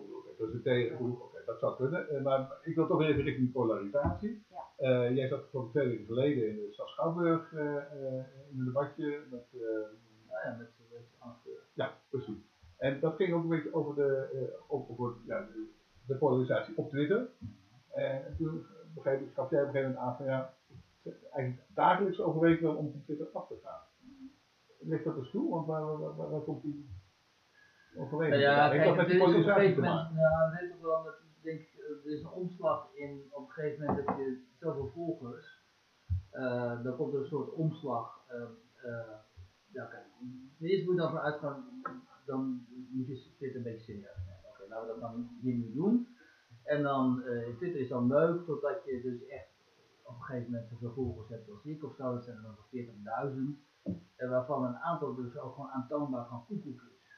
Uh, en, maar die kun je niet allemaal gaan blokken, want dan ben ik een paar weken bezig om die mensen allemaal te blokken. En bovendien krijg je toch weer heel veel voor terug in de tijdlijn. Dus op een gegeven moment moet je denken, oké, ja, dat is nu zo. Dus het is onontkoombaar, dus in die tijdlijn van mij zitten ook af mensen die gewoon alleen maar lopen te zuren of te schreeuwen en zo. En uh, dat, is dat, dat, dat, wordt dan dagelijkse kost en dat is natuurlijk niet altijd een aantrekkelijk uh, schouwspel. En dat, koek, nee, nee, nee, dat mensen die koek zijn omdat ze het met je oneens zijn, of juist ook mensen die je ook uh, nee, maar zijn ook, en jou... Uh, nee, maar ook mensen die mij eens zijn, die wel tegenstanders van mij hadden tegen. Wat zij dan zien als tegen, die gaan daar in netjes helemaal de huid vol schelden of zo. Daar zit ik ook niet op te wachten. Ik vind het niet, of, ik kan het hebben. Nou, kijk, maar zij kan het maar jij doet mensen kunnen het niet hebben. En die denken dan, ja, die, die durft die aanvoeren van een of andere trollenleger dat wij allemaal overhoop lopen dat wil ik ook niet. Ik kan wel eens in de week of twee weken zeggen, joh, kappers met het en zo. Nee, daar trekken die mensen zich natuurlijk niks van aan. En dan bovendien heb je nog die mensen van extreem links, die mij de huid vol schelden. Je hebt het, weet ik wat, de Turken en zo, die zijn ook altijd erg geagiteerd. Die beginnen al met de kanker zus en kanker zo. Dus uh, daar heb je niks aan. Terwijl dat, dat Twitter was natuurlijk bij uitstek een medium waar je heel veel aan kunt hebben. Doordat mensen jou op dingen attenderen, doordat mensen je links sturen, door mensen naar elkaar duigen. In dat opzicht is het voor journalisten echt een het medium. En, daar, en daarom blijf ik er ook op zitten, omdat ik gewoon af en toe heel erg veel aan heb en mensen mij leuke tips geven. Maar voor het leuke debat en zo, uh, moet ik daar al niet meer zijn. En dat heeft puur te maken met het aantal volgers dat je op een gegeven moment krijgt, als je publiek figuur bent. Uh, dat is wel een beetje met de kwaliteit van die volgers. Ja. Het zegt niet iets over de staat van het land, ook dat zou ik zeggen, waar jij, het is ook geen thermometer.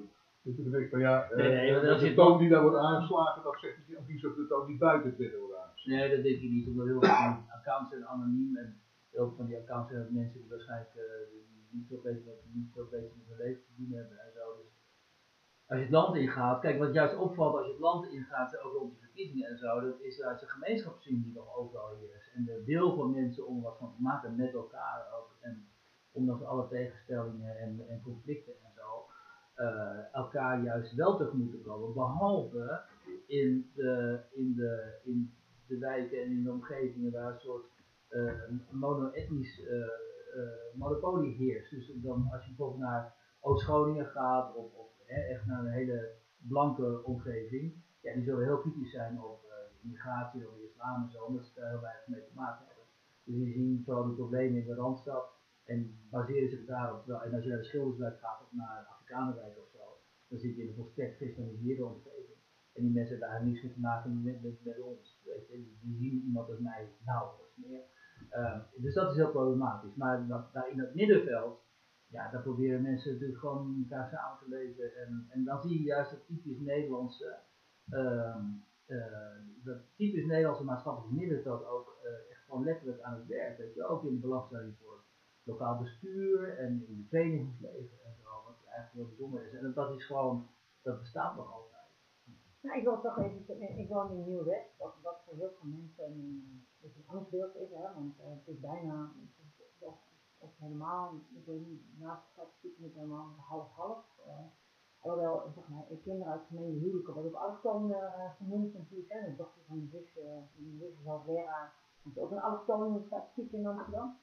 Ehm, eh, dus dat, dat, daar gaat al iets mis, denk ik. Maar ehm, in, in, in, ja, qua, qua Maar ik wil zeggen, eh, Ja. als je allochtoon gelijk stelt aan eh, laag opgeleid, Ja, want dat wordt dan wel. vaak, Maar, Ja, al- maar zichzelf Nee.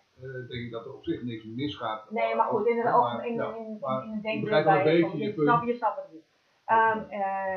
Ik woon dus in Nieuw-West, wat een gemengde wijk is. Ehm, bij ons op de galerij wordt zo naar elkaar omgezien. Ehm, nou moet ik wel zeggen dat ehm, bij ons eh, twee experts wonen. ehm, en de rest, eh, dan, eh, Nederlander, wordt, Nederlanders, uh. Er wordt zo naar elkaar omgezien. Als iemand ziek is, wordt er eten gebracht en dit en dat. Nou, ik kom uit een klein dorp in Oosterhuizen. Dat is eh, daar niet, niet, niet in die maat. Of in ieder geval is het niet slechter dan daar, laat ik het zo zeggen. Want het, eh, ik, zat laatst in een trein met mensen uit uh. Ik hoorde aan accent. eh dacht, ik kom daar uit midden-Oosterhuizen. En ik, die hadden dus, nou, zou je toch niet willen wonen, want dit en dat en dat. En toen ben ik een gesprek met hen aangegaan. Dus ik vertelde hoe ik uh, woon in, Amsterdam. Uh, En toen zei ze, oh, dat is wel eens klagen nieuwsgrond. Ik zei, ik voel me veiliger in Amsterdam dan in het oosten van het land waar je heel erg geïsoleerd woont, waar zeg maar inbrekers uh, zo'n uh, zo geïsoleerd huis kunnen gaan. Dus in uh, de Amsterdam West uh, ervaar jij weinig polarisatie, zo hoe ervaar je dat op Twitter met jouw volgers? Ja, want ik, want ik, de analyse die heeft over zijn volgers, dit, ja. merk je dat ook bij jouw volgers? Ja, ik heb daar iets minder dan Wiert, de helft, iets minder dan de helft, zeg maar 7.500 of zo. Uh, 17.500. En uh, nou ja, ik, ik, ik vind Twitter, vrienden van mij zijn er van afgegaan, ik vind het overgrote deel van Twitter vind ik positief. In die zin, ik kan heel snel contact leggen met uh, mensen via DM als iemand wil spreken. En mensen checken toch vaak een DM blijkbaar. En als ik een interview wil doen, uh, ook de rest van de wereld. Als er iets gebeurt in Egypte, kan zo mensen DM'tjes sturen van hoe ervaar jij dat, dit en dat en dat. En maakt niet uit, Libië, Syrië, uh, whatever. Dus de wereld is, is een stuk dichterbij. Uh-huh. En ik merk ook, uh, ja, en, en bijvoorbeeld uh, um, Syrische dokters, nou, nou als via WhatsApp, maar um, ook woordvoerders van die rebellenfracties of zo, die ik ook op Twitter, dus ik stuur even een appje in het, een, een, een DM'tje in het Arabisch en ik een interview geregeld. Ik vind het echt een fantastische wereld, hoe snel je de, met mensen de rest van de wereld contact kunt leggen. En ik vind het ook heel leuk als ik ergens iemand in het antwoord of Istanbul ja, ik ken jou wel. Ja, hoe dan? Ja, ik volg Twitter. Dat vind ik wel grappig. Dat, dat, dat, dat mensen, ja, dat, dat je zo, of dat is natuurlijk vooral degene jouw vakgebied, maar dat... Maar geen gekkies, geen... Nou, ook, ook. Maar uh, ik denk tien jaar geleden had ik meer moeite mee. Dat ik me meer aantrekken wat er soms naar je hoofd wordt gesloten. Want ik krijg natuurlijk ook wel te horen dat ik, omdat je omdat je, niet eens om mijn werk, maar omdat ik met een Al Jazeera journalist koffie dronken, ben ik ineens op de terroristenstempel en dat sommige mensen toch die propaganda ook zelfs in Nederland, je niet op, niet op geloven, omdat je dat dan naar je hoofd geslingerd krijgt. Maar goed, ik probeer altijd maar een beetje een grapje te maken van of ik doe een Ik, ja, weet je, je zult altijd mensen hebben die, uh, die daarvoor vallen en zo. Het is nu eenmaal zo. Dus gewoon, uh, tijden hebben gehad. En, uh, ik, ik kan het handelen. Ik wil gaan afronden met jullie uh, deelnemen. A, we hebben Sunmark gesproken. Uh, mijn cursus gaan van maken. B, heb ik en heel erg gehad over Syrië, maar ook wel over journalistiek. Ik wil Ivo bedanken voor dit gesprek. Nou, ja, ja, nou, Mag je op stop drukken?